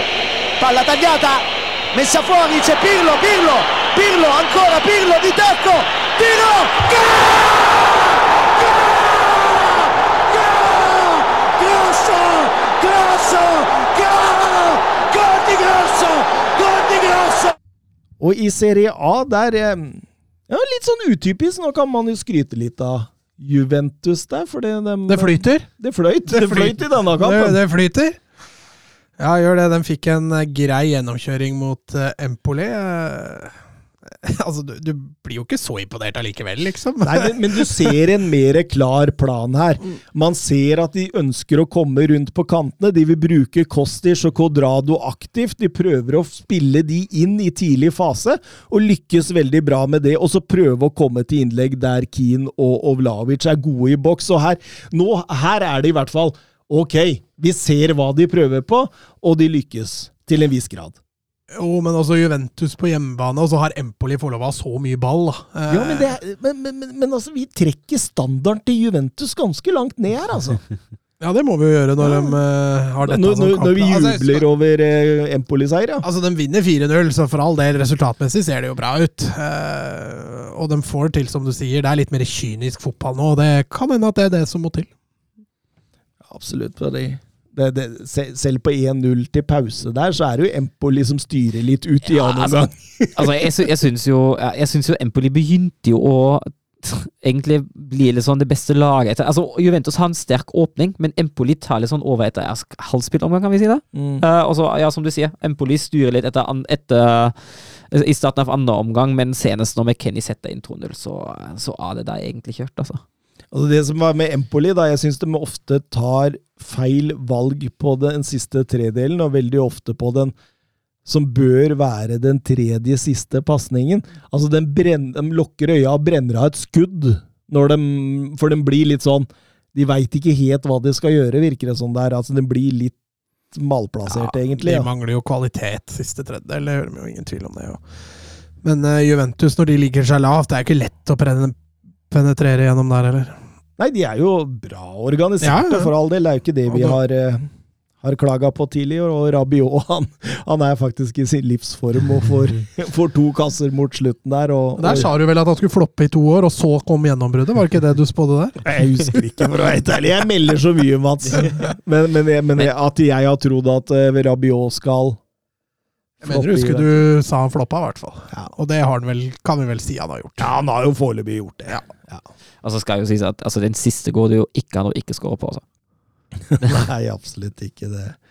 Setter enkelt 4-0 der, ja. Og, og det, er, det, er, det, er jo, det er jo en seier man ikke setter noe særlig spørsmålstegn ved, annet enn at man sier at Empoli var egentlig grusomt svake, og, og vi må få andre hva kan du si, parametere før vi kan begynne å snakke om ja, Men, men jeg, jeg så i hvert fall en plan. Det har jeg ikke gjort før. Mm.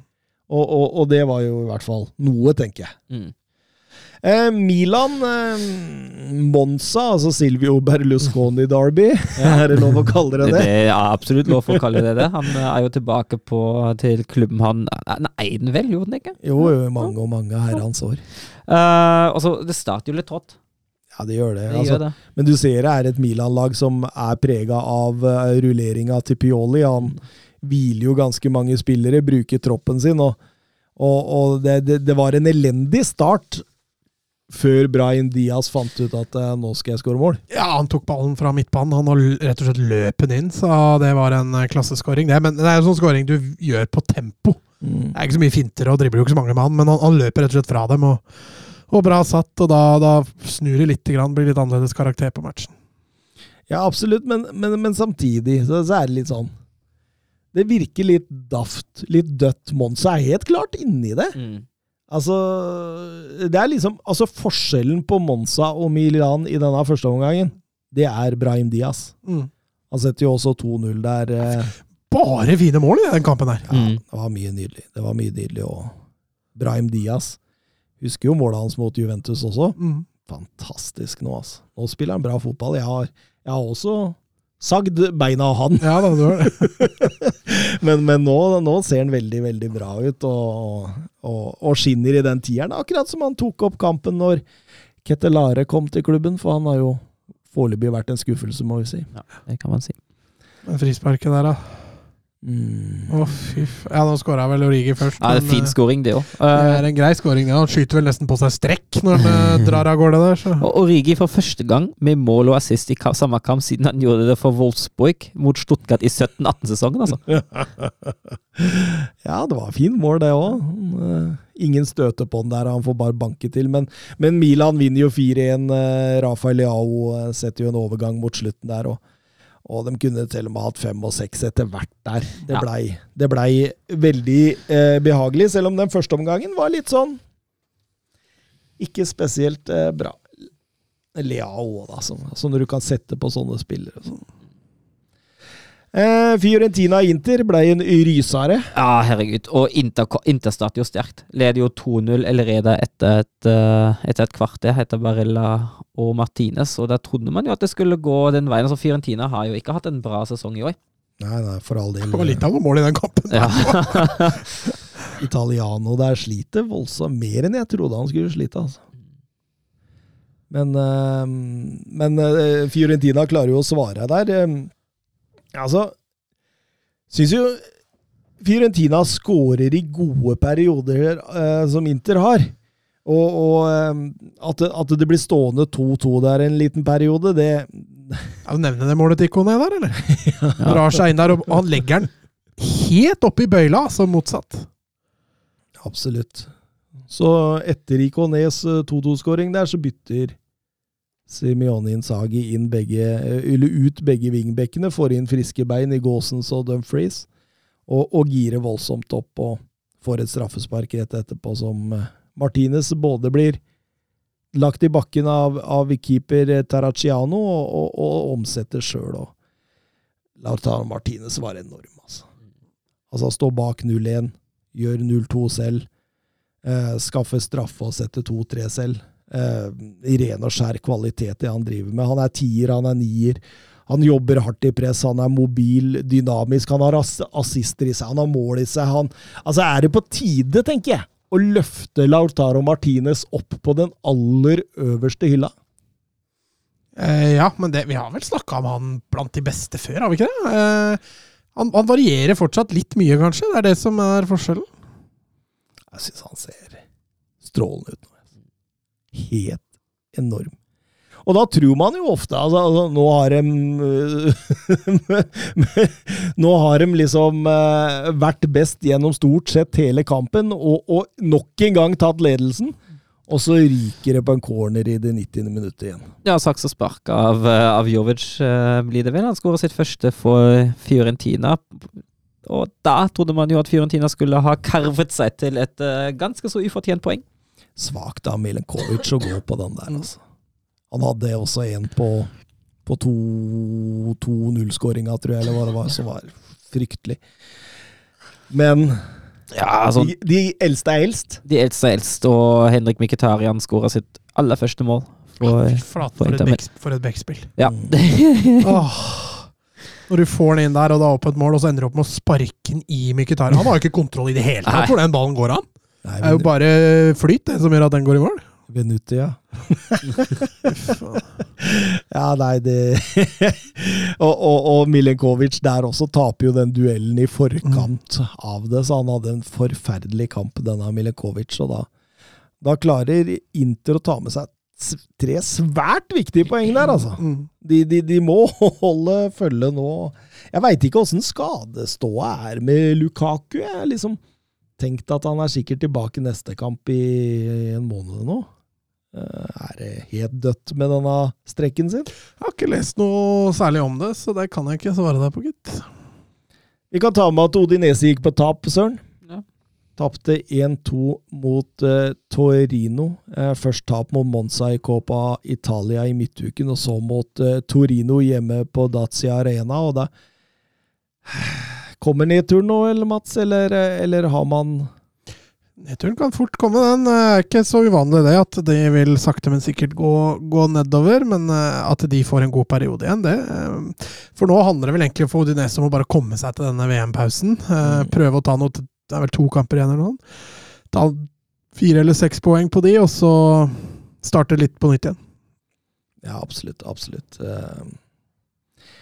Eh, tror det kan by på litt usikkerhet for, eh, for Odinese der. De har jo overprestert så det synger, og Andreas til han Han har gjort en strålende jobb, men, men, men artig målskårer der òg, når Pietro Pellegri er det som setter eh, seiersmålet for Torino, stortalentet med alle skadene som er hjemme i Italia igjen etter Monaco-oppholdet. Mm. Husker vi snakka mye om han før i tida. Eh, Råsterk seier for Lazio mot Atalanta, 0-2. Stemmer det. På bortebane så klinka de til. Eh, Fikk en, eh, fikk en veldig god start, og så Og så trygga de det inn. Atalanta fant aldri, fant aldri stimen. Eh, Atalanta har jo liksom De har jo gått litt over til Union Berlin. altså, Gasperini har jo snudd dette helt opp ned Mm. denne sesongen, og, og, og fått inn løpere som Luckman og, og sånn fremover i banen der, og skal tette igjen bakover. Men med Lazio nå, og Sarri eh, Holdt nullen seks ganger på rad i Serie A nå, må tilbake til Sven Gøran Erikssons tider for å finne lignende tall. Så dette, dette ser jo Sterkt ut. ut. Altså, får opprettholdt på en måte mye av eh, grunn, eh, grunnmuren bak der. Eh, ser ut som man har funnet en god balanse i laget der, og selv uten Ziro Immobile, så, så tar man dette. Så det er meget, meget bra. Og så var det jo runden storkamp, da. Roma-Napoli. Napoli fortsetter å imponere stort, for de vinner eh, fullt fortjent. Helt uh, utvilsomt. Uh, var like nok, likevel nok ti minutter unna en Mourinho masterclass. Det var en sjansefattig kamp som altså Napoli hadde de aller fleste sjansene. altså Mourinho parka, parkerte nesten buss, om ikke det var dobbeltdekker, så kanskje 31-bussen til Aker Brygge. Det var bare synd det var Smalling som kjørte bussen på slutten der, for da, han ble pissa på av Oshimen i den duellen der. Altså. ja, han blei karnøfla. Ja, ble. Rett og slett karnøfla. Og Rui Patricio, som hadde hatt noen bra redninger, han eh, Jeg tror jeg ble litt overraska. Skuddet kom så fort, eh, for det var skrått. Skrå, skrå avslutning. Men, men skal det være en seiersherre i denne kampen? Ja, ja, ja jeg syns det er greit. Eh, Roma, de De har liksom ikke noe å komme med. Altså, Saniolo hadde vel noe langskudd. Det virka nesten som Roma var fornøyd med 0-0 hjemme mot, mot Ja. Napoli. Absolutt. Det tror jeg òg. Jeg tror han hadde levd veldig godt med det. Mm. Jørgen Nystuen, hvor lenge kan Napoli klare å holde på Kvadraskela og Oshimen? Det er jo Real Madrid-kvalitet! Ja, men det er eh, De har visst det så langt i år. Eh, Kvadratsjkela kom jo nå i sommer, så at de greier å holde han en sesong til, det tror jeg. Oshimen kjøpte dem jo dyrt, Mm. så der tror jeg ikke de er villige til å selge seg billig heller. Eh, Så at, men at Oshimen snart er voksen for større oppgaver, det, det tror jeg nok. Så får vi se om eh, om hvilken klubb det blir. Jeg tror det kan, kan handle lite grann om Altså, hvis Napoli under Spalletti nå vinner Scudettoen, for eksempel, tar seg et godt stykke ut i CL, forsterker ytterligere i sommer, så er, så er sjansen til stede for noen gode sesonger for dem Mm. i Napoli. Eh, men, men det er jo disse kriteriene som må fylles, tenker jeg da, at man eh, Altså, Oshimen har vel kontrakt i 2025, tror jeg. Kvadriastigela har vel ett eller to år lenger enn det. Og, og Di Laurentis han har i hvert fall ikke vist seg å være en eier som tenker profitt. Det har han jo bare vist under, under Kolobali, som han har beholdt gjennom 272 gigantbud. Så um, jeg, jeg, Nei, altså Oshimen, det, det, det, er jo allerede rykter der.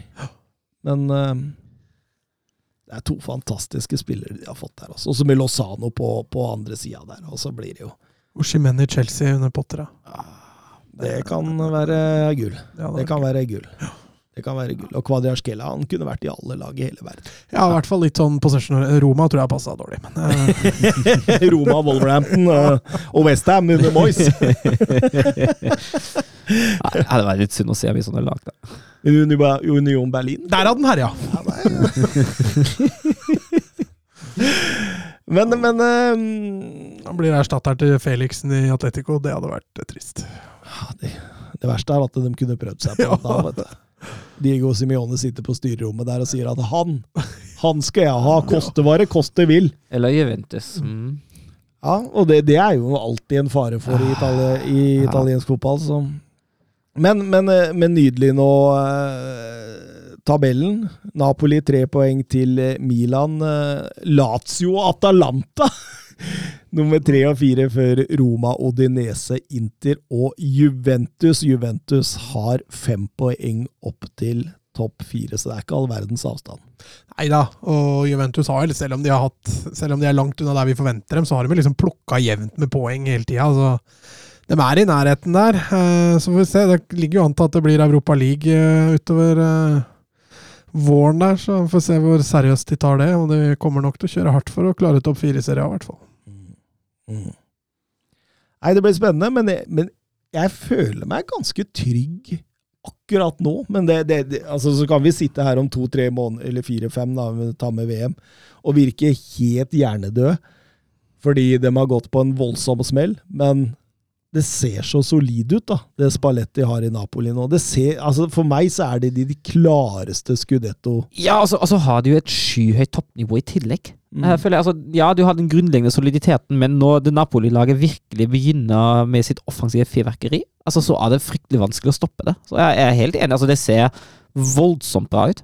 Da har de også faktisk en brukbar bredde, har det vist seg. For de kan sette inn altså Raspadori eh, Giovanni Simione har jo også skåret noen viktige mål. Elmas eh, Leo Østigård Kanskje ikke ja. den beste alternativet å vise fra, men altså de har litt bredde òg. Det gjør at de, de, er kanskje en større seriøs utfordrer enn det, det mange tror. Mm. Mm. Og, og, dette var jo laget hvor alle sa ha-ha-ha.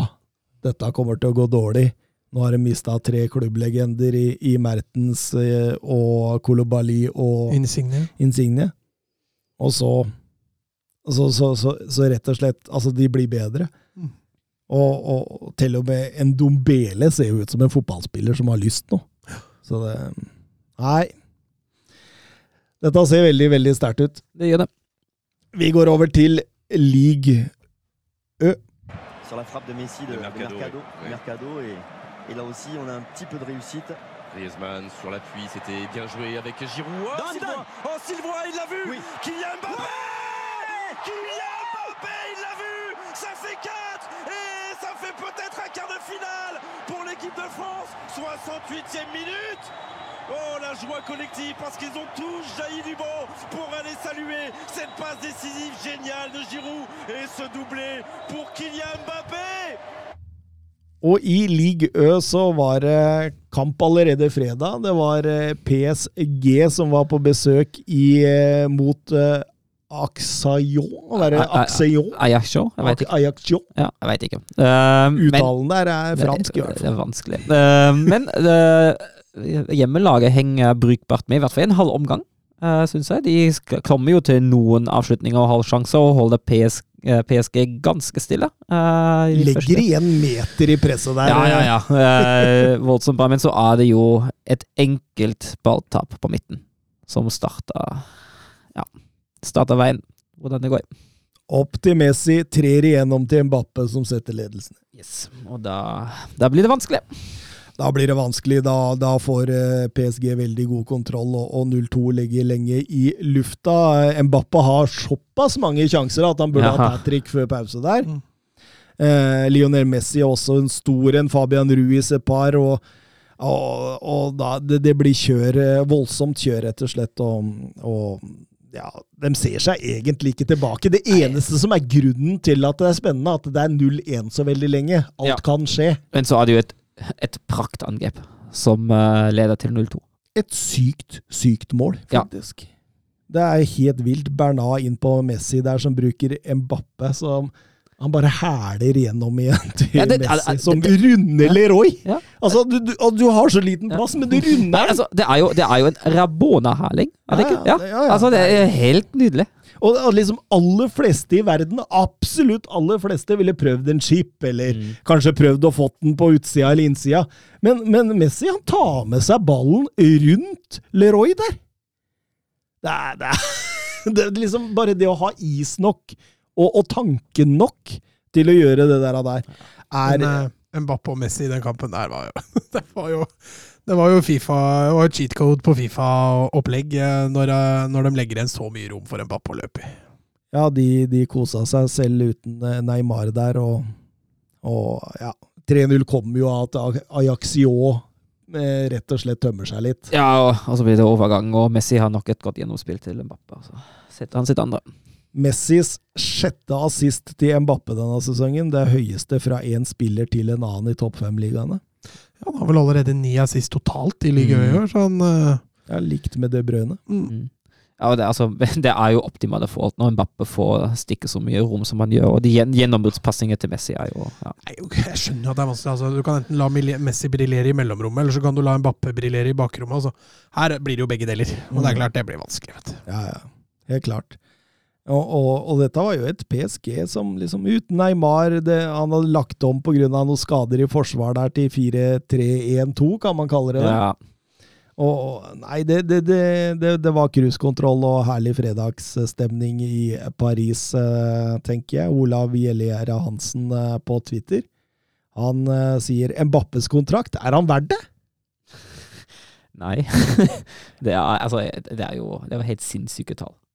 Le Parisien, som var ute med noen syke tall her, ja. eh, De mener de har fått innsyn i Mbappes kontrakt. Kontrakta verdt totalt tre, nei, 630 millioner euro på tre år. Altså, Altså, han fikk en signeringsbonus, sies det, på 180 millioner euro. det er nesten overgangen hans en gang til, da. Det de har betalt til Monaco, ikke helt, men nesten. Årslønn på 72 millioner euro. Altså, det, Lojalitetsbonus som stiger hvert år han er der. Altså, hadde de solgt han for la oss si 200 millioner euro, som det var snakk om, så ville de spart 830 millioner euro på tre år, noe som tilsvarer omtrent Finlands bruttos nasjonalprodukt. det er helt vanvittig. Og, og, men da, da, da ser man jo også Tenk om de trekker seg ut nå, de eh, eh, Ja, da Hvem kan kjøpe, liksom? Det er jo bare å gi det bort. men men de, kan de, ikke de, ha den. de sier jo altså hvor, hvor urettferdig det er med sånn, eh, med sånn økonomisk doping, da. Men, men, men, dette, men, betyr jo at penger betyr jo ikke noe. Altså her Nei, det er her er, dette er Qatar. Penger er luft. Vi har nok av det. Mm. Det er, det er, det er helt eh, sinnssyke summer, og det, er, det, det sies at det stemmer dette, da. Eh, og, og, som det trolig gjør, tror jeg. Så er han verdens best betalte idrettsutøver noensinne. By far. Ja, ja. By far! altså, det virker jo som han har kunnet bestemme lønna si sjøl. Mm. Han bestemmer signeringsbonus. 180 millioner Altså- euro i signeringsbonus. Det er jo Altså, det Ja, det Jeg skjønner at eh, enkelte spillere har tank, har tanker om å dra til PSG. Mm. Kan, kan forstå det, faktisk. Altså, det, det er helt sykt. Jeg har ikke ord. Søren hadde sagt nei, han veit Ja. hvor lønna kommer fra, så. Ja, Men det- jeg, det- jeg tror Søren hadde sagt nei. Det, det, det er fryktelig å si når man sitter i det studioet her. Det er det. Det er det. Det er Og så ser du tallene foran deg, og så ser du bare at du kan sikre Ikke, ikke bare familien din, men Mm. De neste fire-fem generasjonene sikrer du faktisk. um, Ja, Lauren Blas første seier for Lyon. Vant 1-2 borte mot Montepiller. Han hadde børsta støv av Aouar, som han har lagt i tieren, og, og Aouar han presterte voldsomt. Ja, det, han spiller jo for en ny kontrakt. Ja, han Han er jo kontraktsløs etter sesongen. Mm. Altså, Aouar kun 24 år, altså. Det er to år siden han liksom var ettertrakta av selveste Pep Guardiola til Manchester City. Så det blir spennende å se hva Laura Blad gjør med den. Eller så kan man jo Altså, hjemmebaneproblemet til Marseille fortsetter, rett og slett. Altså Tape 0-1 mot Lance her. Eh, Velodrom, som har blitt et stort problem for dem. Eh, tredje sesong på rad. De taper mot Lance på Velodrom. Tapte 25 poeng der sist sesong. Og sist de vant i league Ø på hjemmebane nå, var tidlig i september. Det er eh, Nei, det er ikke godt å si uh, åssen det skal ende der. Um, ellers så vant eh, Fonseca og Lill 4-3 mot Monaco igjen. Svært morsom og, og en rysere en kamp. Hvor Remi Cabella, som eh, var eh, i Newcastle, Mm. han var strålende i tieren der. Han kom jo gratis før denne sesongen og har tre mål og fire assist på seks kamper nå og ser voldsomt bra ut. Eh, Torjus Hansen, Lillestrøm-spilleren? ja, lille gamle Lillestrøm og Odd, var det Er han på banen igjen? Altså? Ja, han, han stiller jo spørsmål. Will Still-saken var skikkelig kul. Noen tror på at han får lov å fortsette, og hva vil eventuelt skje med han om Rem øh, skaffer en ny manager? Har du noe svar til Nei, altså, nå var jeg Altså, jeg starta bra, da. Jeg slo jo Ozer nå. Eh, vant 2-1, så nå, nå er jeg fryktelig dårlig på rykter rundt Stat Start Rem. Det skal jeg da Kan du ikke det? Nei. Nei, det, for det kan jeg, skjønner det, det, det skal jeg da innrømme. Men eh, altså hvis, hvis klubben tenker å gi hjemme en fair sjanse, er det fort mulig at man kan tenke seg en løsning fram til VM og se hvordan det går. Jeg fant et sitat av han, jeg synes det er helt fantastisk. Han, han, han sa når han var trener i Belgia Jeg har brukt så mange timer på FM at jeg er eh, prega av det. Jeg er Westham-supporter, så jeg spilte alltid i Westham. Og det har utvikla meg som menneske og som fotballtrener. Altså, tenk, tenk, tenk hvis han lykkes i Rem med det han har lært seg på fotballmanager. Tenk det! Altså, det! Hvor kult hadde ikke det vært? Ja, altså, det er flere sitater på internett hvor han rett og slett sier rett ut at 'jeg er FM-treneren'.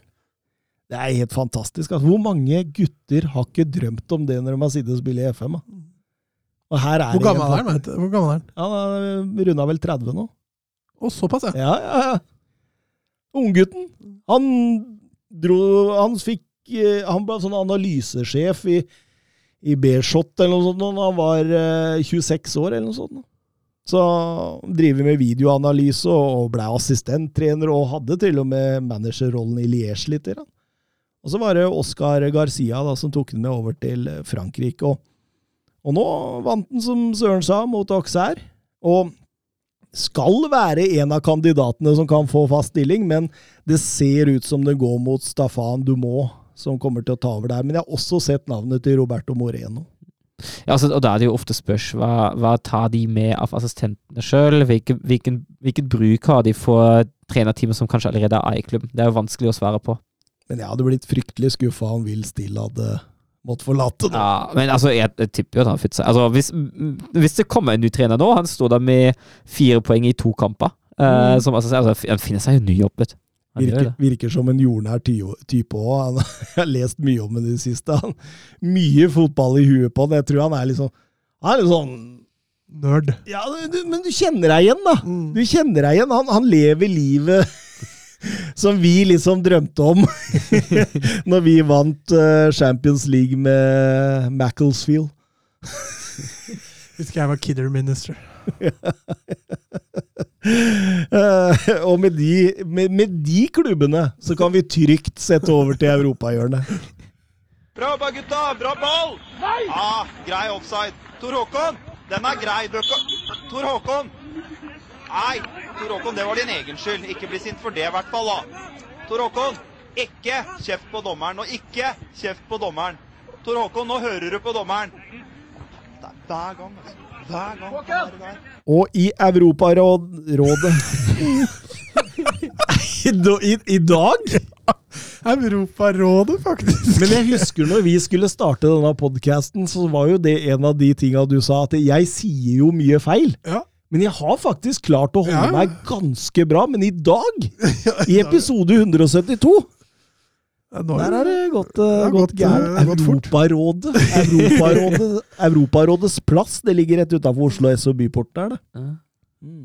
Kan, kan det ha noe med det å gjøre? Eller hva er et europaråd, søren? Nei, jeg veit ikke, jeg. Eh, altså, det fins ikke Altså, det fins jo et organ i Brussel, vel, som heter Europarådet Jøde... Jeg ikke hva jeg Jeg veit ikke. Det, det er du som har innført ordet i podkasten. Jeg mente Europa-hjørnet. Og vi begynner med et spørsmål fra Jonathan Hobber. Noen updates på Wanda Nara og Icardi? Jeg skjønner hva han tenker på. Ja, Historien som lakk her om eh, Altså Ja, for hun var vel med i en video med en rapper. Og Icardi fant seg ikke i det. Selv om det er brudd. Ja, de er jo skilt. Ja. Eller i hvert fall separert. Men han ga faen i hva Galatasaray sa om at han skulle bli hjemme. Eh, ja, han sa vel også en eller annen dust unnskyldning òg. Ja. At, eh, at han ikke kunne komme. Og så var det ikke i det hele tatt riktig, så han dro ut til Argentina. Så for alle de som er skilte og er litt irritert på eksen sin, så tenker jeg det at det, her har vi en mann som reiser 250 mil for, For å skjelle ut eksen! for å skjelle ut eksen, og ikke få lov av arbeidsgiveren sin. Altså, der, der- snakker vi jo to karakterer. Altså. Det, altså, det, det, er jo, det, er jo, det er jo to meget spesielle mennesker, de to. Det er jo åpenbart. Uh, og det er klart, når de to når, så, når, sånne, når sånne personer lager litt drama, så blir det voldsomt og voldsomt underholdende for andre. Jeg veit ikke. Ja, nei, det... Tenk deg historien hennes, da. Tenk Altså- deg den filmen, da. Det kan bli film. Fy Det blir sånn Netflix eh, og dokumentar. Kommer garantert. Wanda Nara, The Story. Ja, ja. Den er, den er heftig, altså. Fra Maxi Gomez til eh, Nei, Maxi Lopez til eh, Icardi til han derre rapperen. For en karriere. Ja, For det, det som skjedde i den musikkvideoen, det var ikke Nei, de lå under dyna, ja. Ja, jeg, jeg tror nok de har gjort det utenfor settet òg. Ja, ok. Ja, vi- Du har har litt fall- contacts nedi der, I hvert fall tror Icardi det. Har du sendt melding til Haaland og spurt? Da send, Altså- send en messenger til Haaland. skal jeg fortelle deg noe morsomt? Har han svart? Nei, jeg skal fortelle deg noe morsomt. Jeg prøvde med Fredrik Aursnes nå, vet du. For å, Aursnes! For, Fredrik Aursnes? for å høre om Enzo Fernandez. Ok, har du Jeg har ikke svart på det. Jeg tror de får mye i boksen sin. Er Hvor er det du har sendt den, da? Nei, det er på Insta. da. Det er på Insta, ja. ok. Ja. Han har ikke så mange følgere som han burde ha, men han- ingen har åpna dem engang. Altså. Det er dårlig. Ja, da tar de dårlig vare på fansen. Ja, ja. Og, og, og kunne fått uh, metervis med spalteplass i denne fantastiske podkasten. Ja, Verdensomspennende podkast. Ja, ja. likevel nå så sitter de igjen som litt sånn Ja, folk tenker 'hvorfor svarer de ikke folk', liksom? Er de høye på seg sjøl? Eh, ja, det er de jo, men eh, eh, Jeg er liksom todelt. da. Hvis du skal åpne og lese hver melding du får, så tror jeg du får mye dritt òg. Ja, det tror jeg. Så det kan hende dere Enten må de ha et veldig godt filter, eller så Siler nok ut. eller, altså. ja. Så du havner i sila, rett og slett. Jeg gjør det.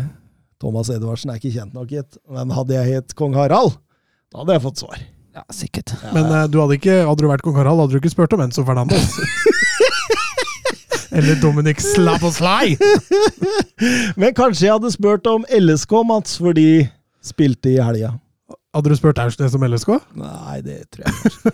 tror ikke det. De spilte i helga, og det gikk heller veien etter en veldig dårlig start, hvor de får en straffe tidlig imot etter litt klønete keeperspill, som Hedenstad retter opp da. Så, eh, så er det faktisk ganske mye Lillestrøm etter det. Eh, Thomas Lene Olsen skårer vel eh, et av sine frekkeste mål eh, når han kommer aleine gjennom der og chipper, chipper keeper, Selvik. Og det blir faktisk kampens eneste mål. Jeg kan nevne at Kan Kairinen hadde vel tidenes største sjanse til å sette 2-0. Det gjør at det blir i overkant spennende på slutten. Haugesund eh, prøver litt desperat å få en uttelling uten at de, de får til det, og Lillestrøm drar i land en eh, veldig viktig 1-0-seier. Eh, Kommer da helt opp i ryggen på, på Rosenborg, som gikk på en smell i Molde.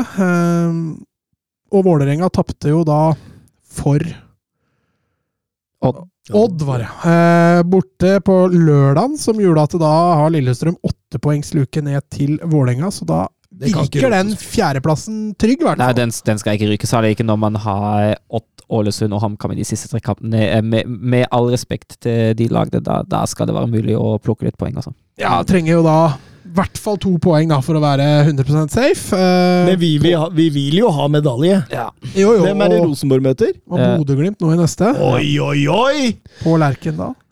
Så alt Altså, selv en Rosenborg-seier der er jo greit for Lillestrøm også, så lenge Lillestrøm vinner, for da er man bare da er man fortsatt av poeng med Rosenborg, men ett poeng bak Bodø-Glimt. Ja, men jeg tenker jo det beste hadde jo vært om Bodø-Glimt vant Ja, den. Ta igjen, altså, om vi havner på andre eller tredje har jeg ikke så mye å si, men uh, at vi havner topp tre, det har veldig mye å si. Ja, For den fjerdeplassen er veldig usikker i forhold Ja, til Europa. Det avhenger av cupen. Så hvis jeg må velge, da tar jeg gjerne tre poeng til Glimt. Og så har vi alltid, hvis vi vinner, hvis vi slår Odd, og Glimt slår Rosenborg, så har vi alt i egne hender i siste to. Mm. Og det er mye verdt, altså. Mm. Da holder det med fire poeng.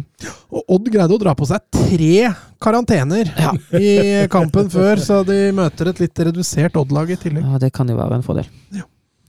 Søren, Ajax eh, kom seg opp fra en liten dump forrige gang vi, vi snakka sammen. Og nå var det bortekamp, var det bortekamp mot RKC Valveig. Uh, og Ajax bruker tid på å komme i gang. Uh, Valveig er farligst på overganger. Uh, tar de helhjerta og uh, I hele første omgang, egentlig, fungerer ikke den offensive markeringen til Ajax noe særlig bra. Etter 20 minutter uh, begynner Ajax å produsere sjanser, og det tar ikke lang tid uh, før de skårer 1-0 ved Berhus. Uh, fint angrep. Ajax har etablert seg i uh, Valveiks banehalvdel, og Berhus fyrer fra utenfor boksen og går via en forsvarsspiller og i lengste hjørne. Eh, rett etterpå er Ajax veldig nær eh, 0-2. eh, har en eh, god fase i de fem minuttene rundt skåringen, og så blir det veldig rolig. Men så er det en, monster, en mønsterkontring eh, fem minutter før pausen, uh, da Valveig kommer til en uh, til en ut, utligning, og det er ikke voldsomt ufortjent heller. Men i andre omgang ser det bedre ut. Uh, Berhuis, han skåra en Hvis dere husker den Pavard-skåringen fra VM 2018 mot Argentina. Den volleyen? Ja. Den, eh, den ligner, litt, ligner litt på den, faktisk. Fra var, det, var det 18 meter.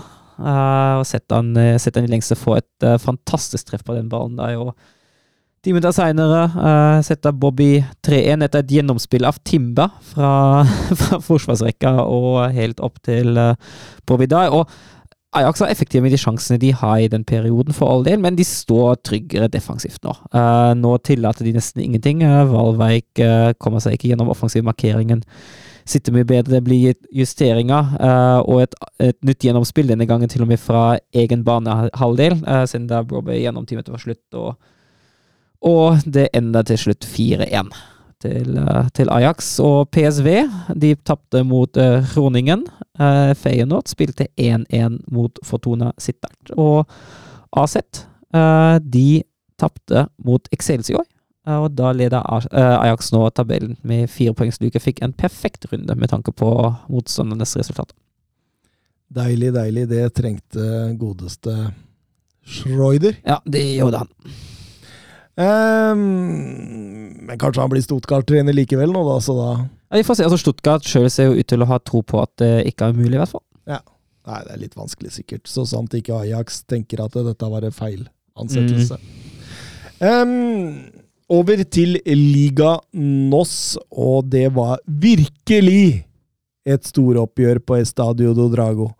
Nummer to mot nummer én i ligaen. Begge ligger i rute til å ta seg videre i Champions League-gruppespillet. En tungdektskamp med Fredrik Aursnes fra start av eh, for bortelaget Benfica. Mot altså Porto. Eh, en jevn åpning. Kanskje Porto eh, hakket bedre. Taremi tvinger i hvert fall keeper eh, Vlasidimos til en enorm redning der etter et kvarter. Den er faktisk ganske syk. Eh, men Benfica er også farlig frempå et par ganger, og, og, og, ofte ved at de klarer å vri spillet mot venstre og skape to mot én for å spille fri enten eh, ja, Først og fremst Grimaldo, å få han fri rundt, eh, er en, en, klar strategi der. Eh, så pådrar eh, Austriaco eh, seg to gule i løpet av meget kort tid. Eh, siste en stygg stempling, nesten rødt. Og Benfica skal da spille én time 11 mot 10, og da tar Benfica bare mer og mer over. Eh, Fredrik Aursnes er faktisk supernær. Han skyter i stolpen fra skrått hold. Ballen går fra stolpen i hodet på portokeeper Diogo Costa og rett ut i Rafa Silva, som header den direkte i tverrleggeren igjen. Så det var enorme sjanser der. Eh, da finner man ut i Porto at man legger seg ned til en 5-3-1. Eh, Benfica kjører, men skaper ikke all verdens vanskelig å bryte ned dette forsvaret. Men 18 minutter før slutt så eh, setter Rafa Silva en av de sjeldne overgangene de får. Praktisk så kommer, praktisk så kommer det faktisk fire mot tre der. Spiller en liten vegg med Neres, får den tilbake og kløner vel litt i mottaket der, men, men får satt den likevel der. Han må nesten snu seg og, og, og, og hente den igjen. Og dermed eh, dem egentlig inn og er nærmere 2-0 enn Porto er eh, utligning, og, og får med seg da en viktig tre poeng bortebane der.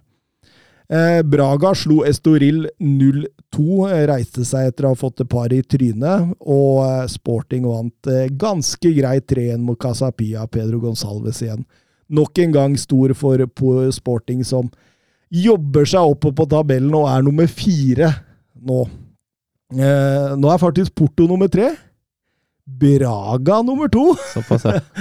Mens Benfica har fått en sekspoengs luke ned til til Braga der, og, og Porto, som er på likt stående poeng. Da. Så det ser veldig Benfica ut, dette. Ja. Ser det, det. Ja, det, er, det er de som har De har gjort det bra i Champions League òg. Ja. Har jo holdt PSG fra det. Og... Vil dere vite hva stillingen er nå? Eh, jeg så Chelsea Spiller Benfica nå? Ja, mot Juventus. Kom igjen. 3-1. Til Benfica. Ja. Hvem har skåret, da? Åh, han har spilt godt. Jeg så, jeg så du, Hvem kamp skal du se? Skal du se Dortmund City? Uh, ja, jeg tenker det. Så da kan du få Chelsea. Ja. De vant. Og Sevilla vant over eh, FCK. Vil dere ha Leipzig i Real Madrid òg? Mm. Leipzig leder 2-0. Ja, det, jeg tror Real Madrid sparte litt spillere der. Ja, Silva, Silva med to mål og Mario med ett Vlaovic skåra for Men hvem skårte for Benfica? Det er interessant. Nei, Silva med to og, ja. og Mario med ett. Ok, Mario. Rafa Silva er i form nå, han.